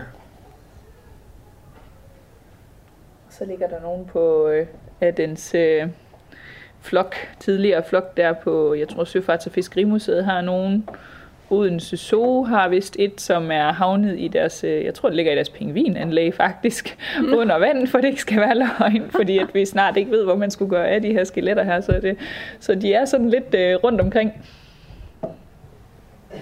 Ja, der blev lige pludselig for mange næsten til ja. at... Netop, og det er jo altså et kæmpe, kæmpe arbejde også, og koster en del penge også bare det at få, øh, altså, øh, forberedt knoglerne, altså lavet en macerering, få dem øh, forberedt til enten til en øh, samling eller til en udstilling. Det, det er der bare rigtig meget arbejde i, så jeg kunne godt, øh, godt forstå, hvis man gerne ville dele den øh, arbejdsopgave med andre. Mm. Og så har vi det sidste skelet her, den skal vi lige kigge på det også. Ja, den må vi hellere få med, for den har faktisk sin helt egen historie også. Ja. ja. har jo alle sammen historier herude, det har de. Ja denne her, det var en grindeval. Mm. Og, øh, og grindevalen og spækhuggeren, de kan sådan, øh, de er nært beslægtet. De kan godt også minde lidt om hinanden her i skeletopbygning. Den har nogle øh, rigtig fine rovbisser her, man kan se ja. til at fange øh, blæksprutter med især, som den godt kan lide. Den her grindeval, den stammer fra Færøerne, og det var fordi vores øh, skolelærer her, han fik den idé, at øh, hvis vi skulle have et valskelet, så kunne vi jo måske prøve at ringe op til nogen på Færøerne og høre, når de alligevel var ude med grindedrab, kunne man så få lov til alligevel at overtage et af de skeletter, der blev til års. Og det kunne vi godt. Så det blev faktisk sendt øh, herned fra Færøerne i en container. Og så har vi så selv øh, gjort knoglerne klar til udstilling. Og det er altså derfor, den står her i dag. Mm. Så der er nogen, der har spist den, og resten er kommet på udstilling. Og så kan man jo så lave et helt andet program om at snakke om, øh, om øh, den side af sagen. Men ja. i hvert fald så det, kan man sige, at knoglerne de har i hvert fald fået et øh, fint formål her til undervisning.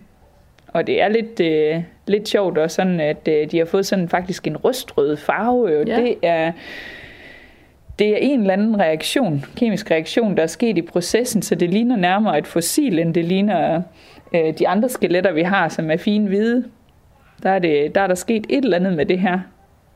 Ja, det er en meget speciel farve, det her. Jeg tror, du kunne også lige til at spørge, om det var ja. en støbning i virkeligheden, ja. fordi det så ja. sådan lidt... Øh, Nej, den er, den, det er nemlig... Øh, ikke knogle ud. Der er sket. Jeg har jo stillet et øh, menneskeskelet op. Øh, det er så godt nok en plastikmodel. Der har vi ikke kunne få fat i et rigtigt endnu. Ej. og, og det har vi stillet op ved siden af. Øh, for øh, at øh, der er det, jo, det er jo oplagt at sammenligne med os selv og sige, hvordan er det lige med fingre på en bal? Det er jo det, der er pakket ind i luften, og så kan man tælle fingre øh, på mennesket og på, på valen. Vi kan sige, at vi har de her to ben. Det var også det, vi så øh, med finvalen øh, udenfor, at øh, der hang de her små knogler under, og det gør der også her på grindevalen. Et par små knogler lige herhenne, som er resterne af det her bækkenparti. Og det er jo det, er jo det der er tilbage af bagbenene. Til gengæld, så er der en hel masse rygvivler ud i forlængelse, som giver ud til halen. Og, og der er der jo altså ikke meget at komme efter på os selv. Den lille hælestump, vi har her bagpå.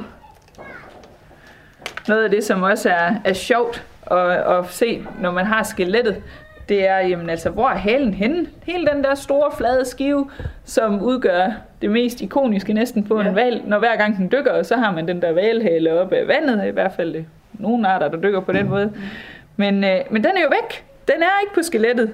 Og det er jo fordi, det er lavet af brusk, så der er simpelthen kun knoglerne, der går ud, og alt, hvad der har været brusk på den, det er forsvundet. Så det betyder også, at den her store, flade skive, halen, den, sådan set, øh, den kan vi jo ikke se. Så skulle vi have klistret et eller andet på i hvert fald, for at demonstrere, hvor den sad henne.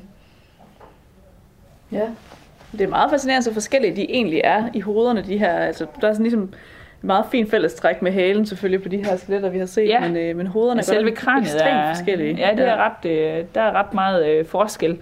Og det er jo så også øh, selvfølgelig øh, afhængigt af, om det er tandval, eller om det er barteval, og hvor at, øh, man siger, bartevaleren har slet ikke, øh, har slet ikke tænder. Nej. Mens at den her, den har nogle øh, fine tænder, der er gemt, men modsat kaskelotten, så har den ikke den der kæmpe store tud, den der kæmpe store næse, der skal være plads til, som siger, den har egentlig lidt mere sådan, hvad vi kan genkende som et normalt kranie, hvor kaskelotten, der kan man næsten ikke finde ud af, hvad der er op og ned på det, når man ser det. Nej.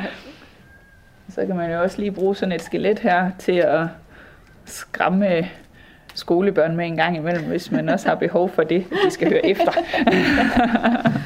de er blevet uopmærksomme ja, undervejs. Ja. Lige have repareret lidt. Altså, ja, nogle gange får de lidt, øh, lidt for mange pilfingre herude. Mm. Men på den anden side, så er det utroligt, at de overlever så mange øh, besøgende. Øhm, og synes egentlig, det er dejligt, at vi ikke sådan skal lukke tingene inden, at det også er okay, man får lov til at, at lige at, at røre lidt. Mm. Ja. Og måske komme til at lukke lidt af vel.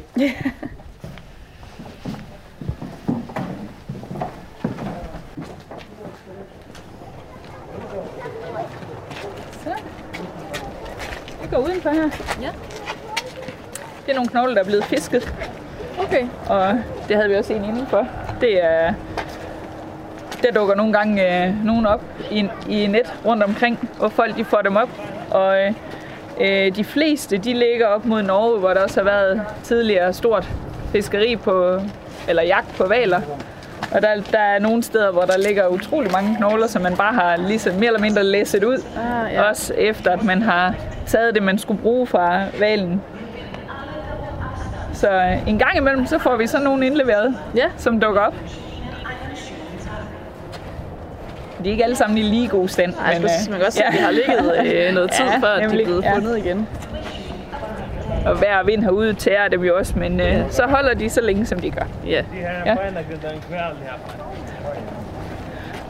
Det er egentlig lidt sjovt. Det er så lige sådan måske helt ved siden af historie. Men, øh, men dengang Finnvalen strandede i 2016, der var vi faktisk i gang med at renovere det der hus derinde til at have valskeletter. Ja. valudstilling. Og så kom den, og den der, den har vi haft siden 2010, tror jeg, den der legekaskelot.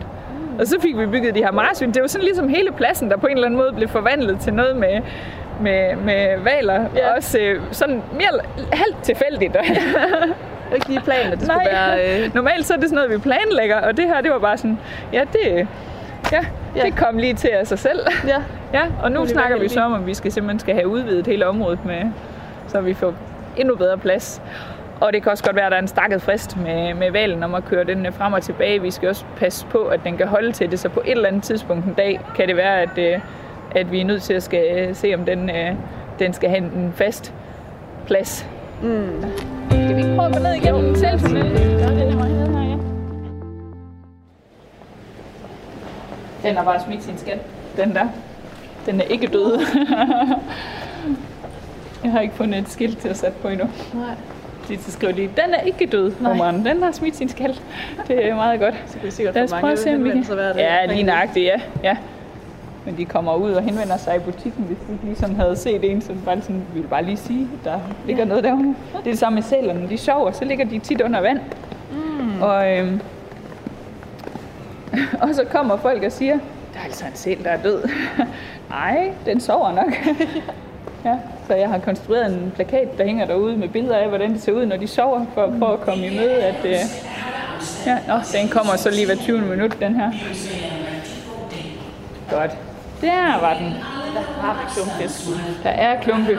Apropos lidt øh, nyere fisk, der var sådan nogle små rygstribede pyramide der i midten. Det er også en tunart. Der kommer flere af dem her. Det ligner sådan en forvokset makrel. Ja. Ja. Så hele historien der med tun og atlantisk tun, det er jo også... Øh, det er måske også noget af det, der hører lidt med til, øh, at der er et skifte i arter, Ja. som vi ser. Se, jeg tror, at klumpfisken, den kigger på, på jer. De har faktisk et udmærket syn, og det er lidt sjovt at se nogle gange, hvordan sådan, den, den kan søge roden lige der, hvor der står nogen. Og, og jeg ved ikke, om det er, fordi vi også håndfodrer dem, at de er vant til sådan en, en menneskes skikkelse, at det måske kunne være ensbetydende med mad. Mm. Så de automatisk kommer hen til ruden der, hvor der er nogen. Har du mad med? Ja. Nu den fisk, der svømmer rundt her, det er sådan en, øh, en lille fin klumpfisk på en 50 kilo cirka. Og da den kom sidste år, der vejede den knap 3 kilo. Så de vokser altså rigtig, rigtig hurtigt. Man har, man har fundet ud af, at deres vækstpotentiale det ligger helt op på 250 kilo på et år.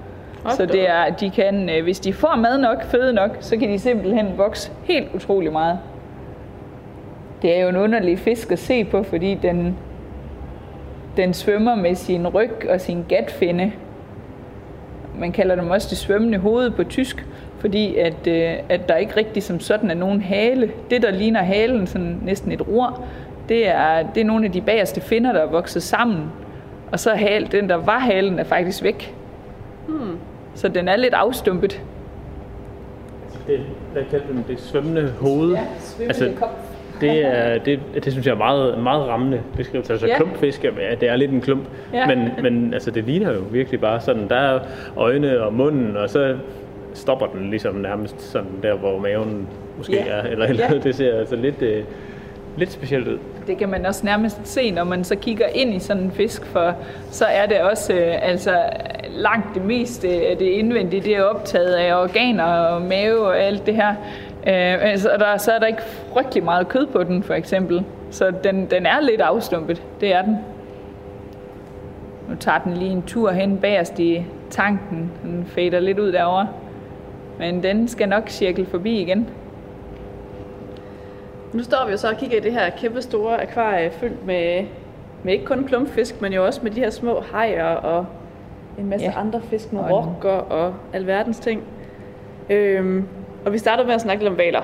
Ja. Og nu kan vi måske lige vende tilbage til dem igen, for dem kunne vi jo forestille os, de også svømmede rundt i det her Jeg er sikker på, at landskab. de ville have elsket det. Det Der er de fyldt med lækre stimefisk herinde også. Der er masser, masser af mad. masser af mad herinde, ja. Som de kunne have levet af. Og, øh, og jamen, øh, de kunne jo godt have, have befundet sig, sig vel her i hvert fald. Ja. Og her i, i, i år især er der jo været ret meget fokus på, at der har været en del delfiner. Der har været en delfin i Aalborg, der har været der et stykke tid, og en i Svendborg, som ligefrem havde fået navn. Ja, Delle. Altså, er det, er det nyt, at der er så mange delfiner i Danmark? For det, det er jo ikke sådan noget, jeg lige tænkte, der var der, da jeg var barn i hvert fald. Nej, jamen det, er jo, det er jo et rigtig godt spørgsmål, om der er kommet flere, eller om det er en lige en bølge af, af noget, vi ser. Øh, fordi tidligere har der jo måske også været bølgetoppe, hvor der pludselig har været flere øh, delfiner eller valer i danske farvande.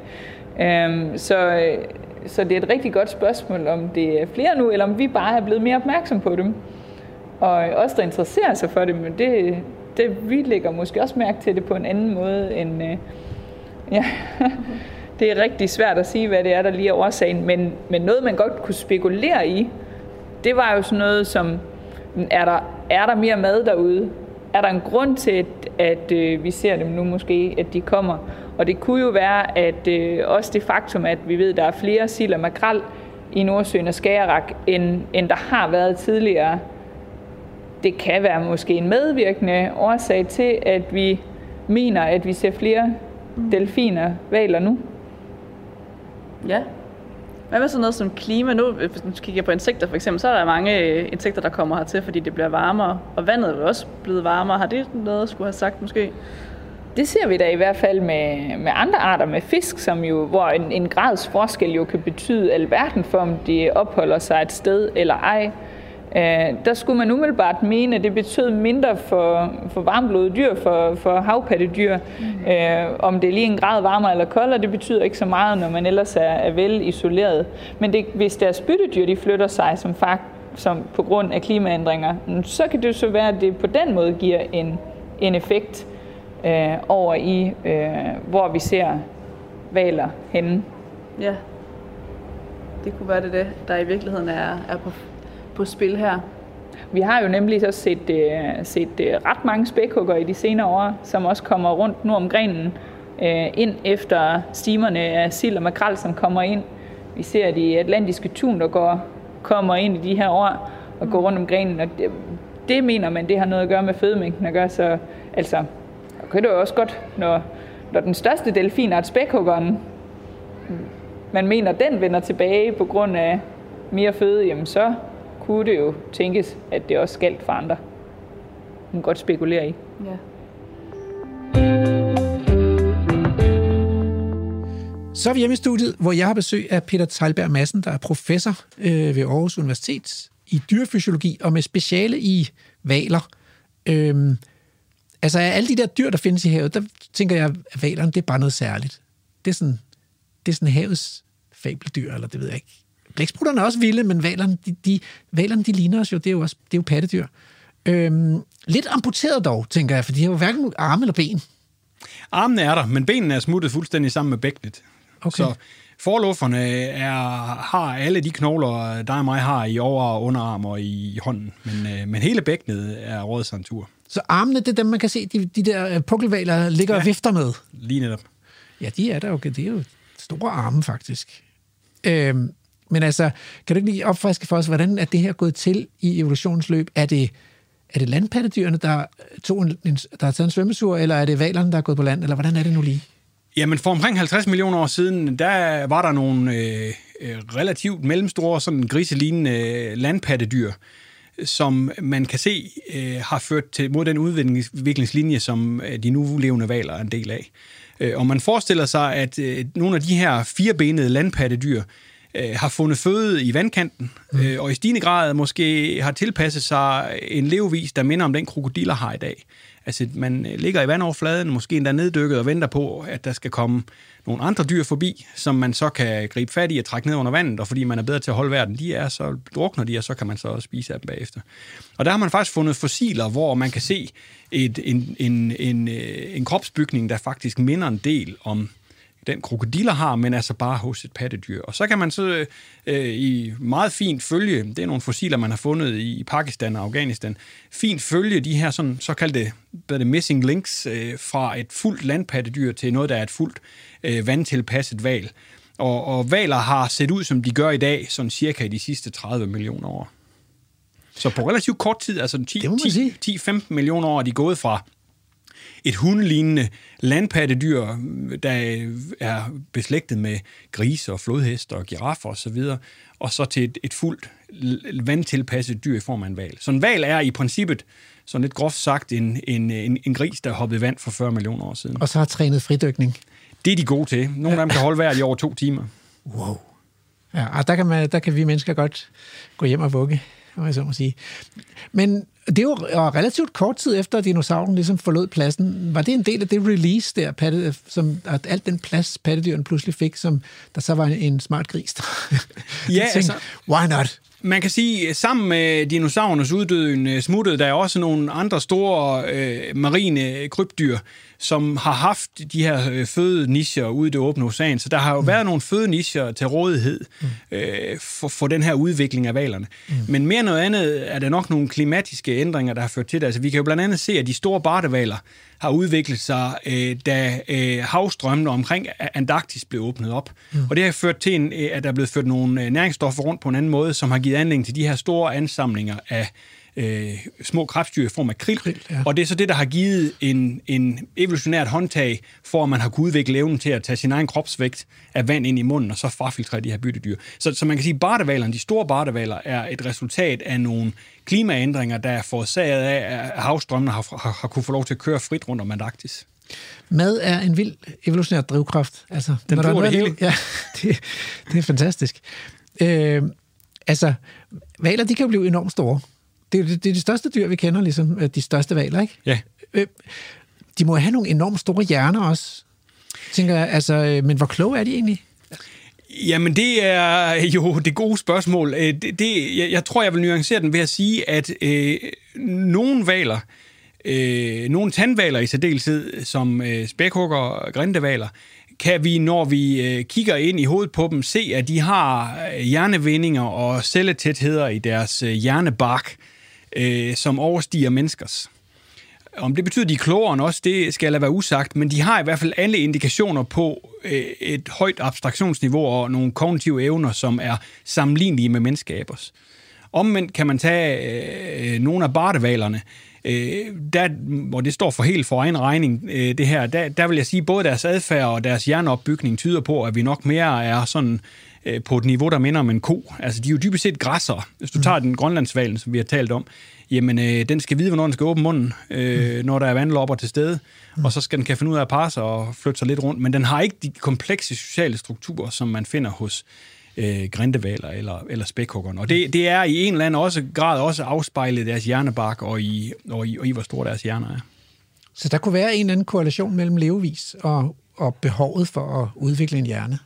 Jamen det mener jeg i høj grad, det er, og jeg, jeg tror jo, en af de øh, vinde, der blæser på bjerget i forhold til, hvorfor vi mennesker har så udviklet så stor en hjerne og bruger så meget, 20 procent af alt, hvad vi spiser, bliver brugt på at holde hjernen kørende, øh, det er, er formodentlig en, en ko-evolution med evnen til at gøre det, vi gør nu, nemlig at vi udveksler kompleks information med hinanden. Mm. Øh, og i det omfang, at vi tror på, at, at grindevaler og, og spækhugger også evner det, så, så synes jeg, det er en absolut en plausibel forklaring, at deres øh, komplekse neuroarkitektur øh, også er bundet op på, på evnen til at udveksle informationer, og, og ikke mindst bruge den i, i forbindelse med, at de hjælper hinanden under jagt og så videre.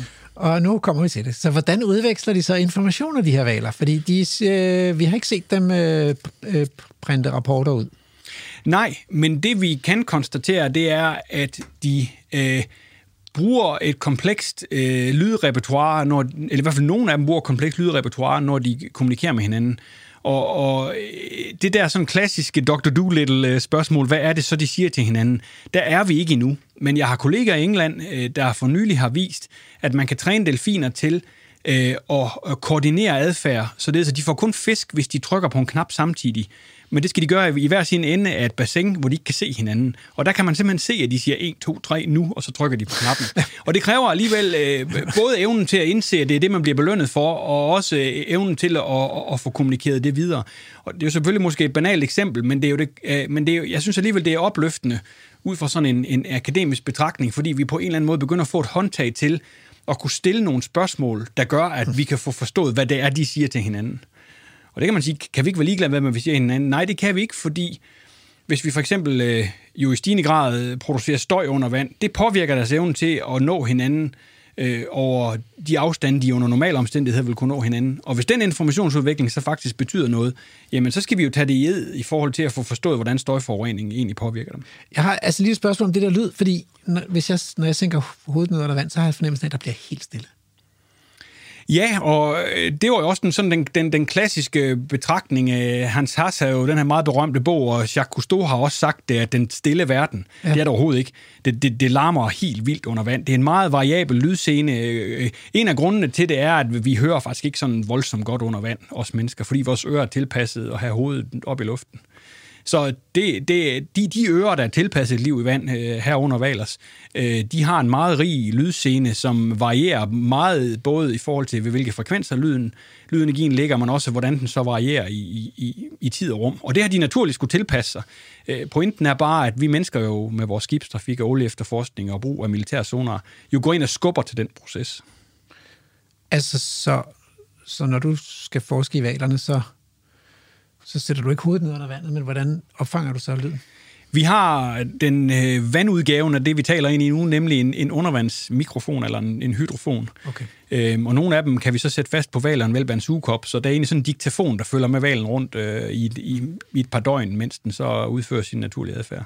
Nu, undskyld, jeg blander mig, men det begynder jo lidt at komme ind i mit domæne. Jeg kan ikke lade være med at være sådan lidt fascineret af det, øh, Peter. Øh, jeg har også hørt om en val, øh, som man kalder den ensomste val, som øh, vokaliserer ved 52 hertz. Mm. Og det er meget unormalt. Er det rigtigt? Det er rigtigt.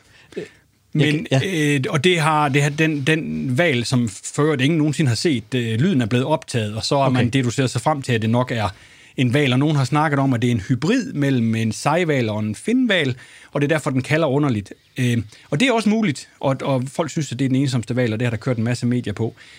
Jeg vil vente om at sige, at den mindst lige så sandsynlig, og efter min mening måske mere sandsynlig forklaring er, at øh, ligesom mennesker godt samtidig kan lyde lidt underligt, så kan valer jo også have øh, problemer med øh, den måde, de laver lyd på. Så det er bestemt også bare en mulighed, at det er en, en valg med en talfejl, som er en af de helt normale arter. Okay. Det, det, det, det har jeg aldrig hørt om, at de simpelthen kan Nej, ja, undskyld, jeg ødelægger den gode stemning, men altså, det, det, øh, man kan sige, der er jo tusindvis af valer derude, og det skulle da være pokker, som en af dem ikke havde nogen, noget eller andet kras på stemmebånd. Øh, ja. Mm. Frem for, at det var en eller anden hybrid, der følte sig meget ensom. Men når man ikke har, altså når man ikke har øh, set den, og jeg ved ikke, om det er et dumt spørgsmål, men ved man så, om den er, altså bliver valer ensomme? Er den ensom, tror du?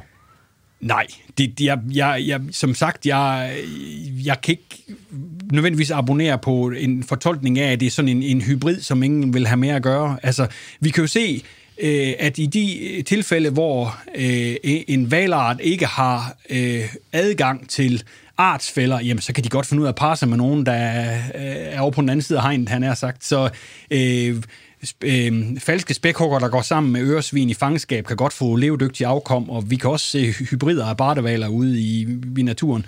Så jeg, jeg tror ikke, den, hvis det faktisk er en hybrid, så er den måske bare et eksempel på en mor og en far, der er hoppet over hegnet, og hvis de kan finde ud af det, så kan hybriden sikkert også. Så det, det jeg synes, jeg synes, det er sådan en god historie, som jeg er ked af at stå og skille her, men, øh, men jeg, jeg, jeg, jeg, jeg, ja, det, det, jeg tror ikke rigtig på den. Nej. Okay. Men man kunne godt følge op, og så spørge, øh, ved vi det hele om valer? Altså fordi, øh, fordi man finder jo stadigvæk, det sker jo, man finder nye pattedyr og fugle. Man finder i hvert fald tit nye svampearter og insektarter og sådan noget. Ikke? Øh, gemmer der så noget derude, som vi ikke ved endnu? Ja, vi ved, at der findes mindst to dybvands øh, netvalgsarter, som vi ikke engang har billeder af endnu, men hvor man DNA-mæssigt har fundet klumper op på stranden, hvor man kan se, at det der det er helt tydeligvis sin egen art. Og det er altså vel at mærke dyr, der vejer mere end en elefant, som er en 6-8 meter lang, som vi ikke engang har et billede af endnu. Så der er masser, vi ikke ved om de her store, spektakulære rovdyr.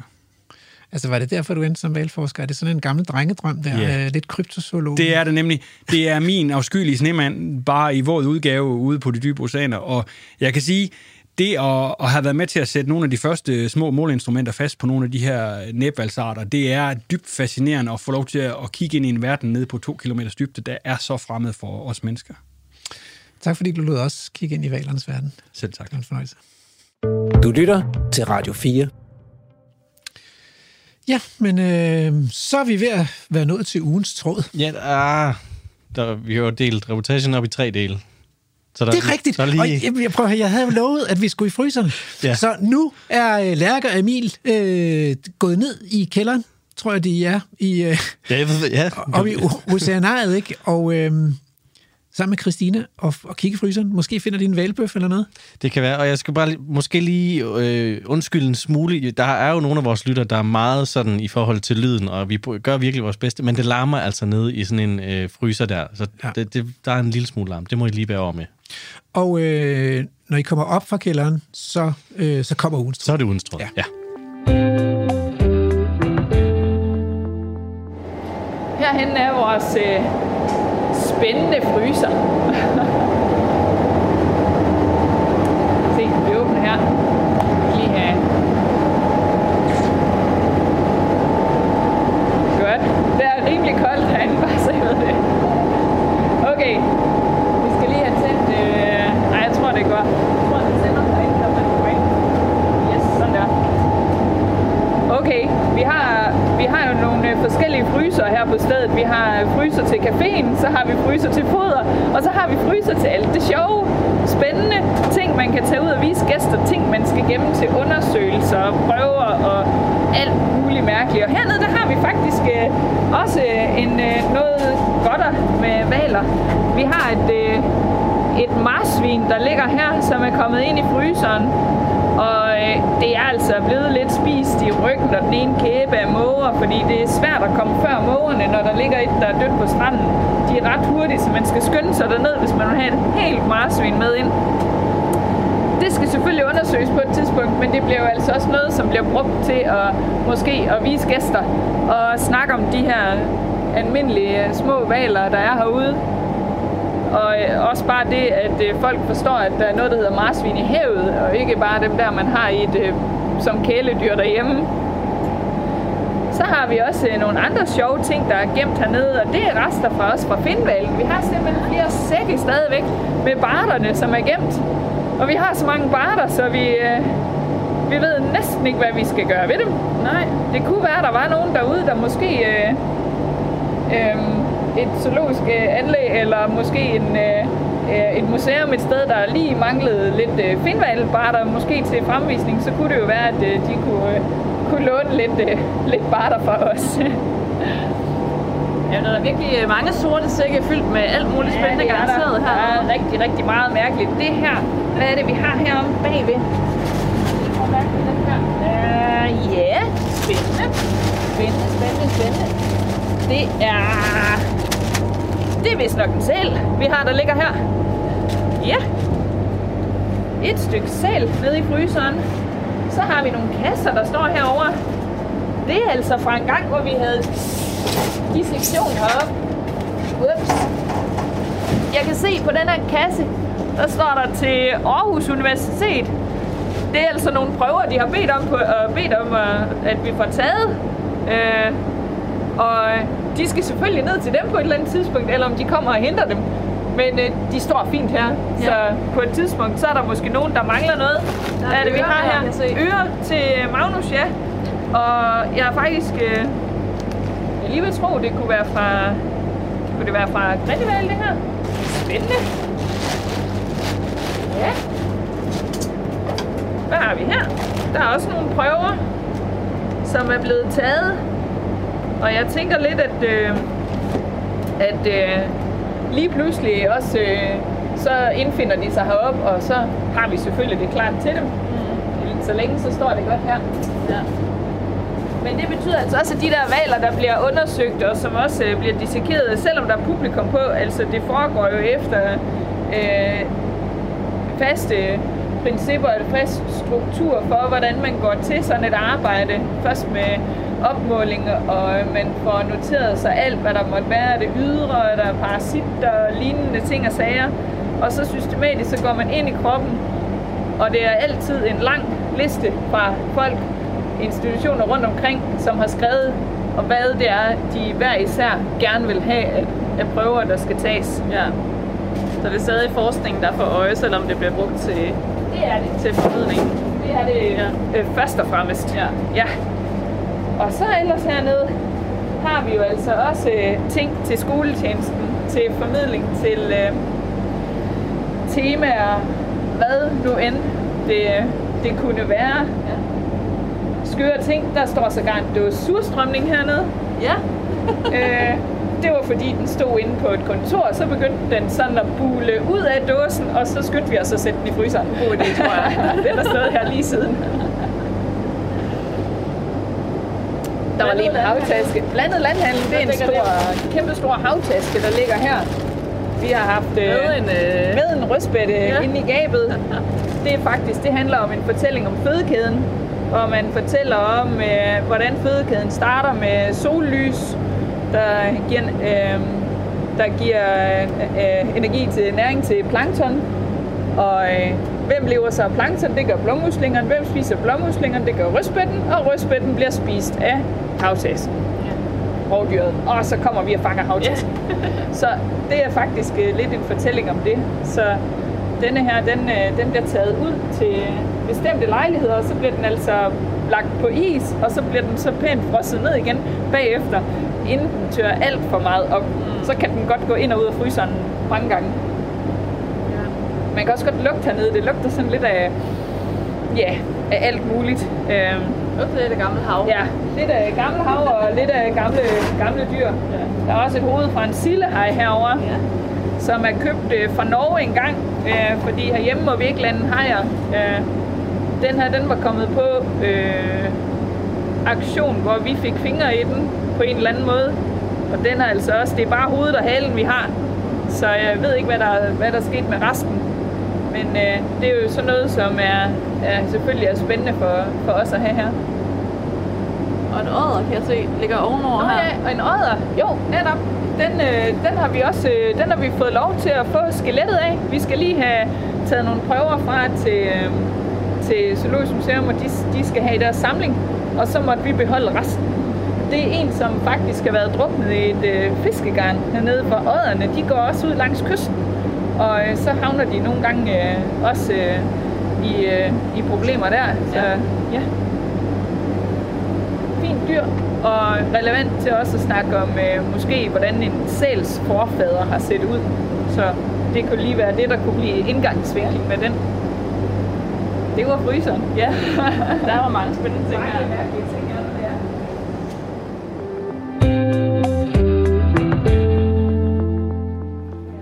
Den der, den er ikke død. Den sover. ja. Havkatte, de har det med at lægge sig på siden. Og det, det er til stor gene og belastning for mig, der skal rende og svare på spørgsmål hver gang. Det er simpelthen utroligt, at de bare tipper om på siden. Det gør de altså. Den plejer at ligge inde i fiskekassen og sove. Så ligger den derinde og hviler sig på siden.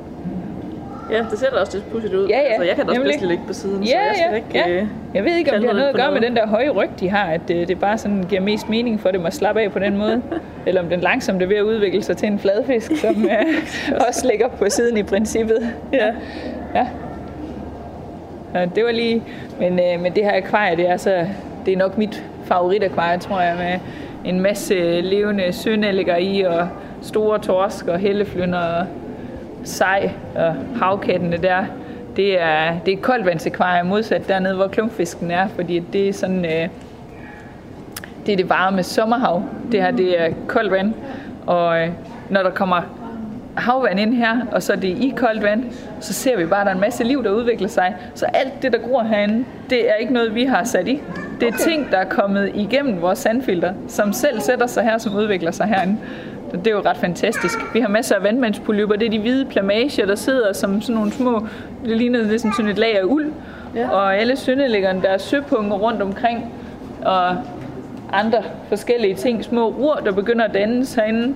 Og, øh, og det sjove det er, at der hvor der har været i gamle dage øh, kunstige dekorationer, der kan man se, at de faktisk det falder af. De skubber det kunstige væk, det ryger ned, og så kommer det erstattet af, af rigtig, af ægte, den ægte vare. Det er jo bare herligt at, at se, hvordan det formerer sig selv herinde. Ja, det er det, skønt. det kan altså et eller andet øh, koldt vand, så ned på en øh, 8 grader, så, så sker der et eller andet der. Ja.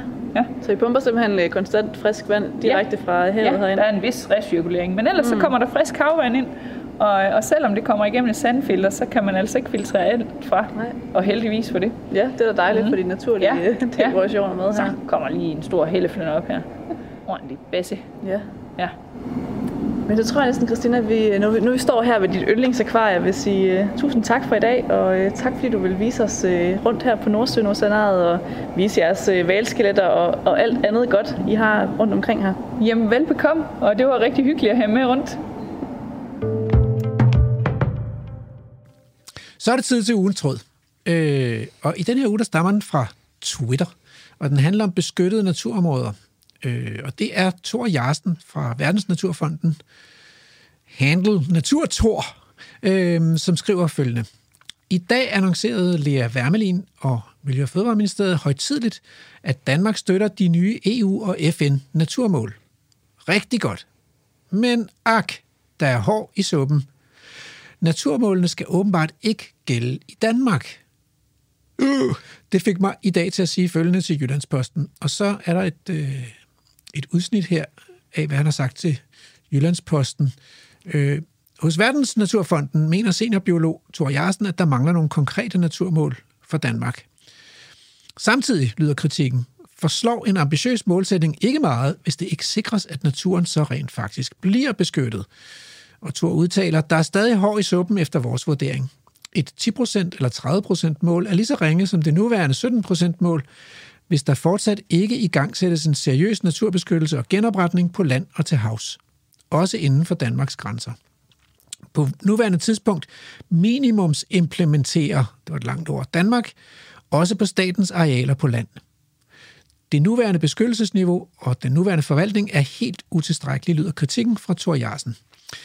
Ja, øh, Andrew, hvad tænker du egentlig om, altså hvis man nu, hvis du nu sad og talte med nogen til et selskab om, om Danmarks vilde natur, Mm. øh, og de siger, du er jo blevet øh, producer på et naturprogram, så du må da, du må da, må da ud og se den der vilde natur. Hvad vil du så sige? Altså, hvad, hvad er det, hvad er vild natur i Danmark for dig, og hvor meget har vi af det? Vi har jo... Øh, vi, har, vi har ikke så meget af det.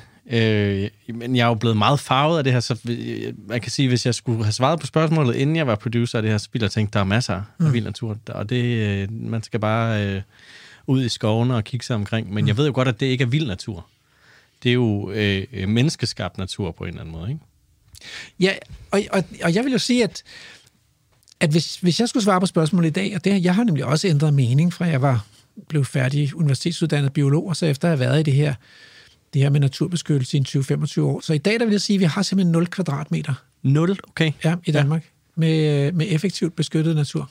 Det, det, det lyder meget, øh, hvad hedder det, øh, kontroversielt. Ja, Altså, det, jeg tænker, nu... Øh, jeg er så ringe til navne, men vi besøgte en skov i en reportage. ja Suserup Fredskov. Lige præcis. Ja. Hvad med den? Jamen, den har jo ligget urørt i, øh, i 100 år. Det betyder, at man ikke at man er sådan holdt op med at drive skovdrift. Så motorsavene kører ikke i skoven, mm. og øh, øh, man, man, man dræner ikke, og man planter ikke, og man går heller ikke ind og, og henter brænde eller sådan noget i skoven. Må jeg, men jeg vil gerne gætte, hvad det er, du synes, der mangler. Ja, Der mangler nogle store dyr. det er lige præcis det. I Ja. dag har, vi jo, har det handlet om havpattedyr, men vi har haft masser af vildsporsudsendelser, som har handlet om store dyr. Og dernede midt på Sjælland, øh, der er der næsten ingen store dyr, altså. Mm.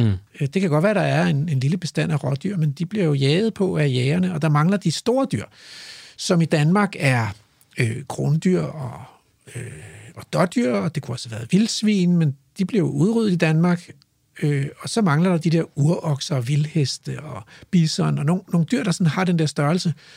Øh, Men er Suserup ikke spændende nok i sig selv? Jeg synes, det var et fan- fantastisk sted at være. Altså. Jamen, det er jo spændende, men man kan sige, at hvis man nu skal skulle forestille sig, at man havde effektiv naturbeskyttelse i Danmark, så ville det jo svare til, at man havde beskyttet ikke bare træerne mm. øh, og blomsterne og sommerfuglene, men også de der store dyr, der er en forudsætning for, at der er bliver skovlysninger, hvor der kan være nogle blomster, og der kan leve nogle sommerfugle og sådan noget. Og de store dyr har vi altså glemt at beskytte. Så det er nok, man kan sige, der er to problemer i Suserup. Det ene er, at det er et meget lille område, men det kan man jo godt beskytte små områder mm. effektivt, men det, det største problem er altså, at der mangler de der, de der store dyr i økosystemet. De er bare helt væk. Hvad med øh, Lille Vildmose? Ja, Lille Vildmose har vi jo været op, og der, der har man jo gjort det, at man har sagt, okay, okay, Danmark har ikke plads til store dyr, så vi sætter et stort hegn. Og inden for det store hegn, der kan der så få lov til at være, i, i Tofte, der er der jo øh, krondyr, og så er der vildsvin også mm. i Tofte. Og der er også et mellemområde, hvor man har sat elge ud. Ja. Øhm, pro- problemet er, at, at der er man, man er ikke sådan gået hele vejen, så, så man skyder dyrene, sådan at der kun er 20-30 kilo dyr per hektar, mens det naturlige tæthed af sådan nogle store planteæder i sådan et relativt produktivt økosystem nok snarere vil være 80, 100, 150 kilo per mm. hektar. Og det gør man for, at de ikke skal være sultne om vinteren. Og man har også i en årrække fodret dem om vinteren.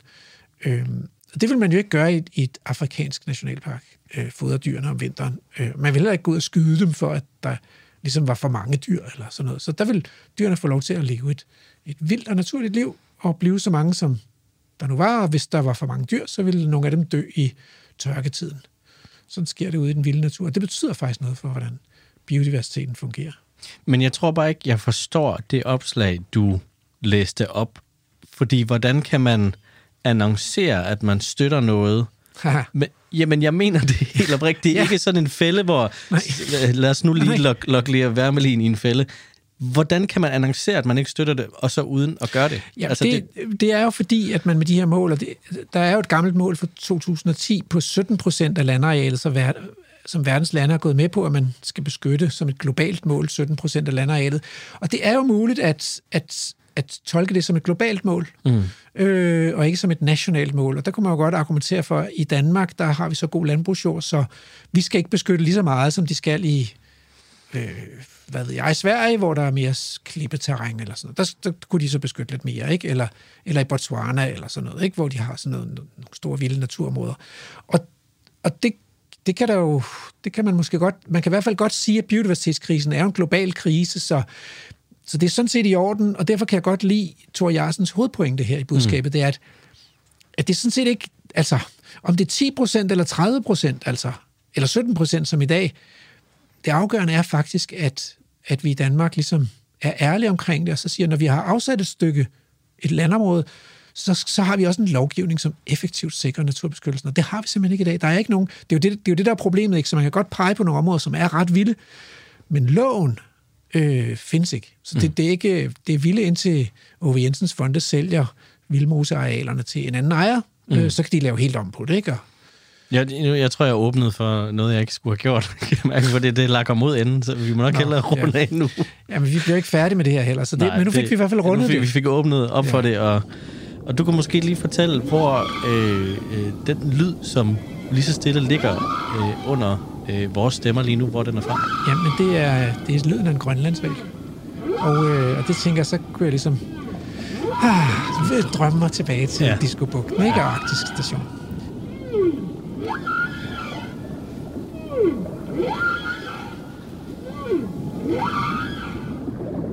Men øh, det lakker mod enden, og øh, jeg vil gerne sige tak i dag til Vildsborgs producer, feltdelfinen Emma Holtet og øresvinet Andrew Davidson ja. for at have hjulpet mig igennem. Og øh, om det så er mig, der er havtasken, det ved jeg ikke. Det må I afgøre, kære lytter. her, her kommer i hvert fald ugens haiku. Legesyg delfin. Marsvin bryder bølgerne. Kaskelot drømme.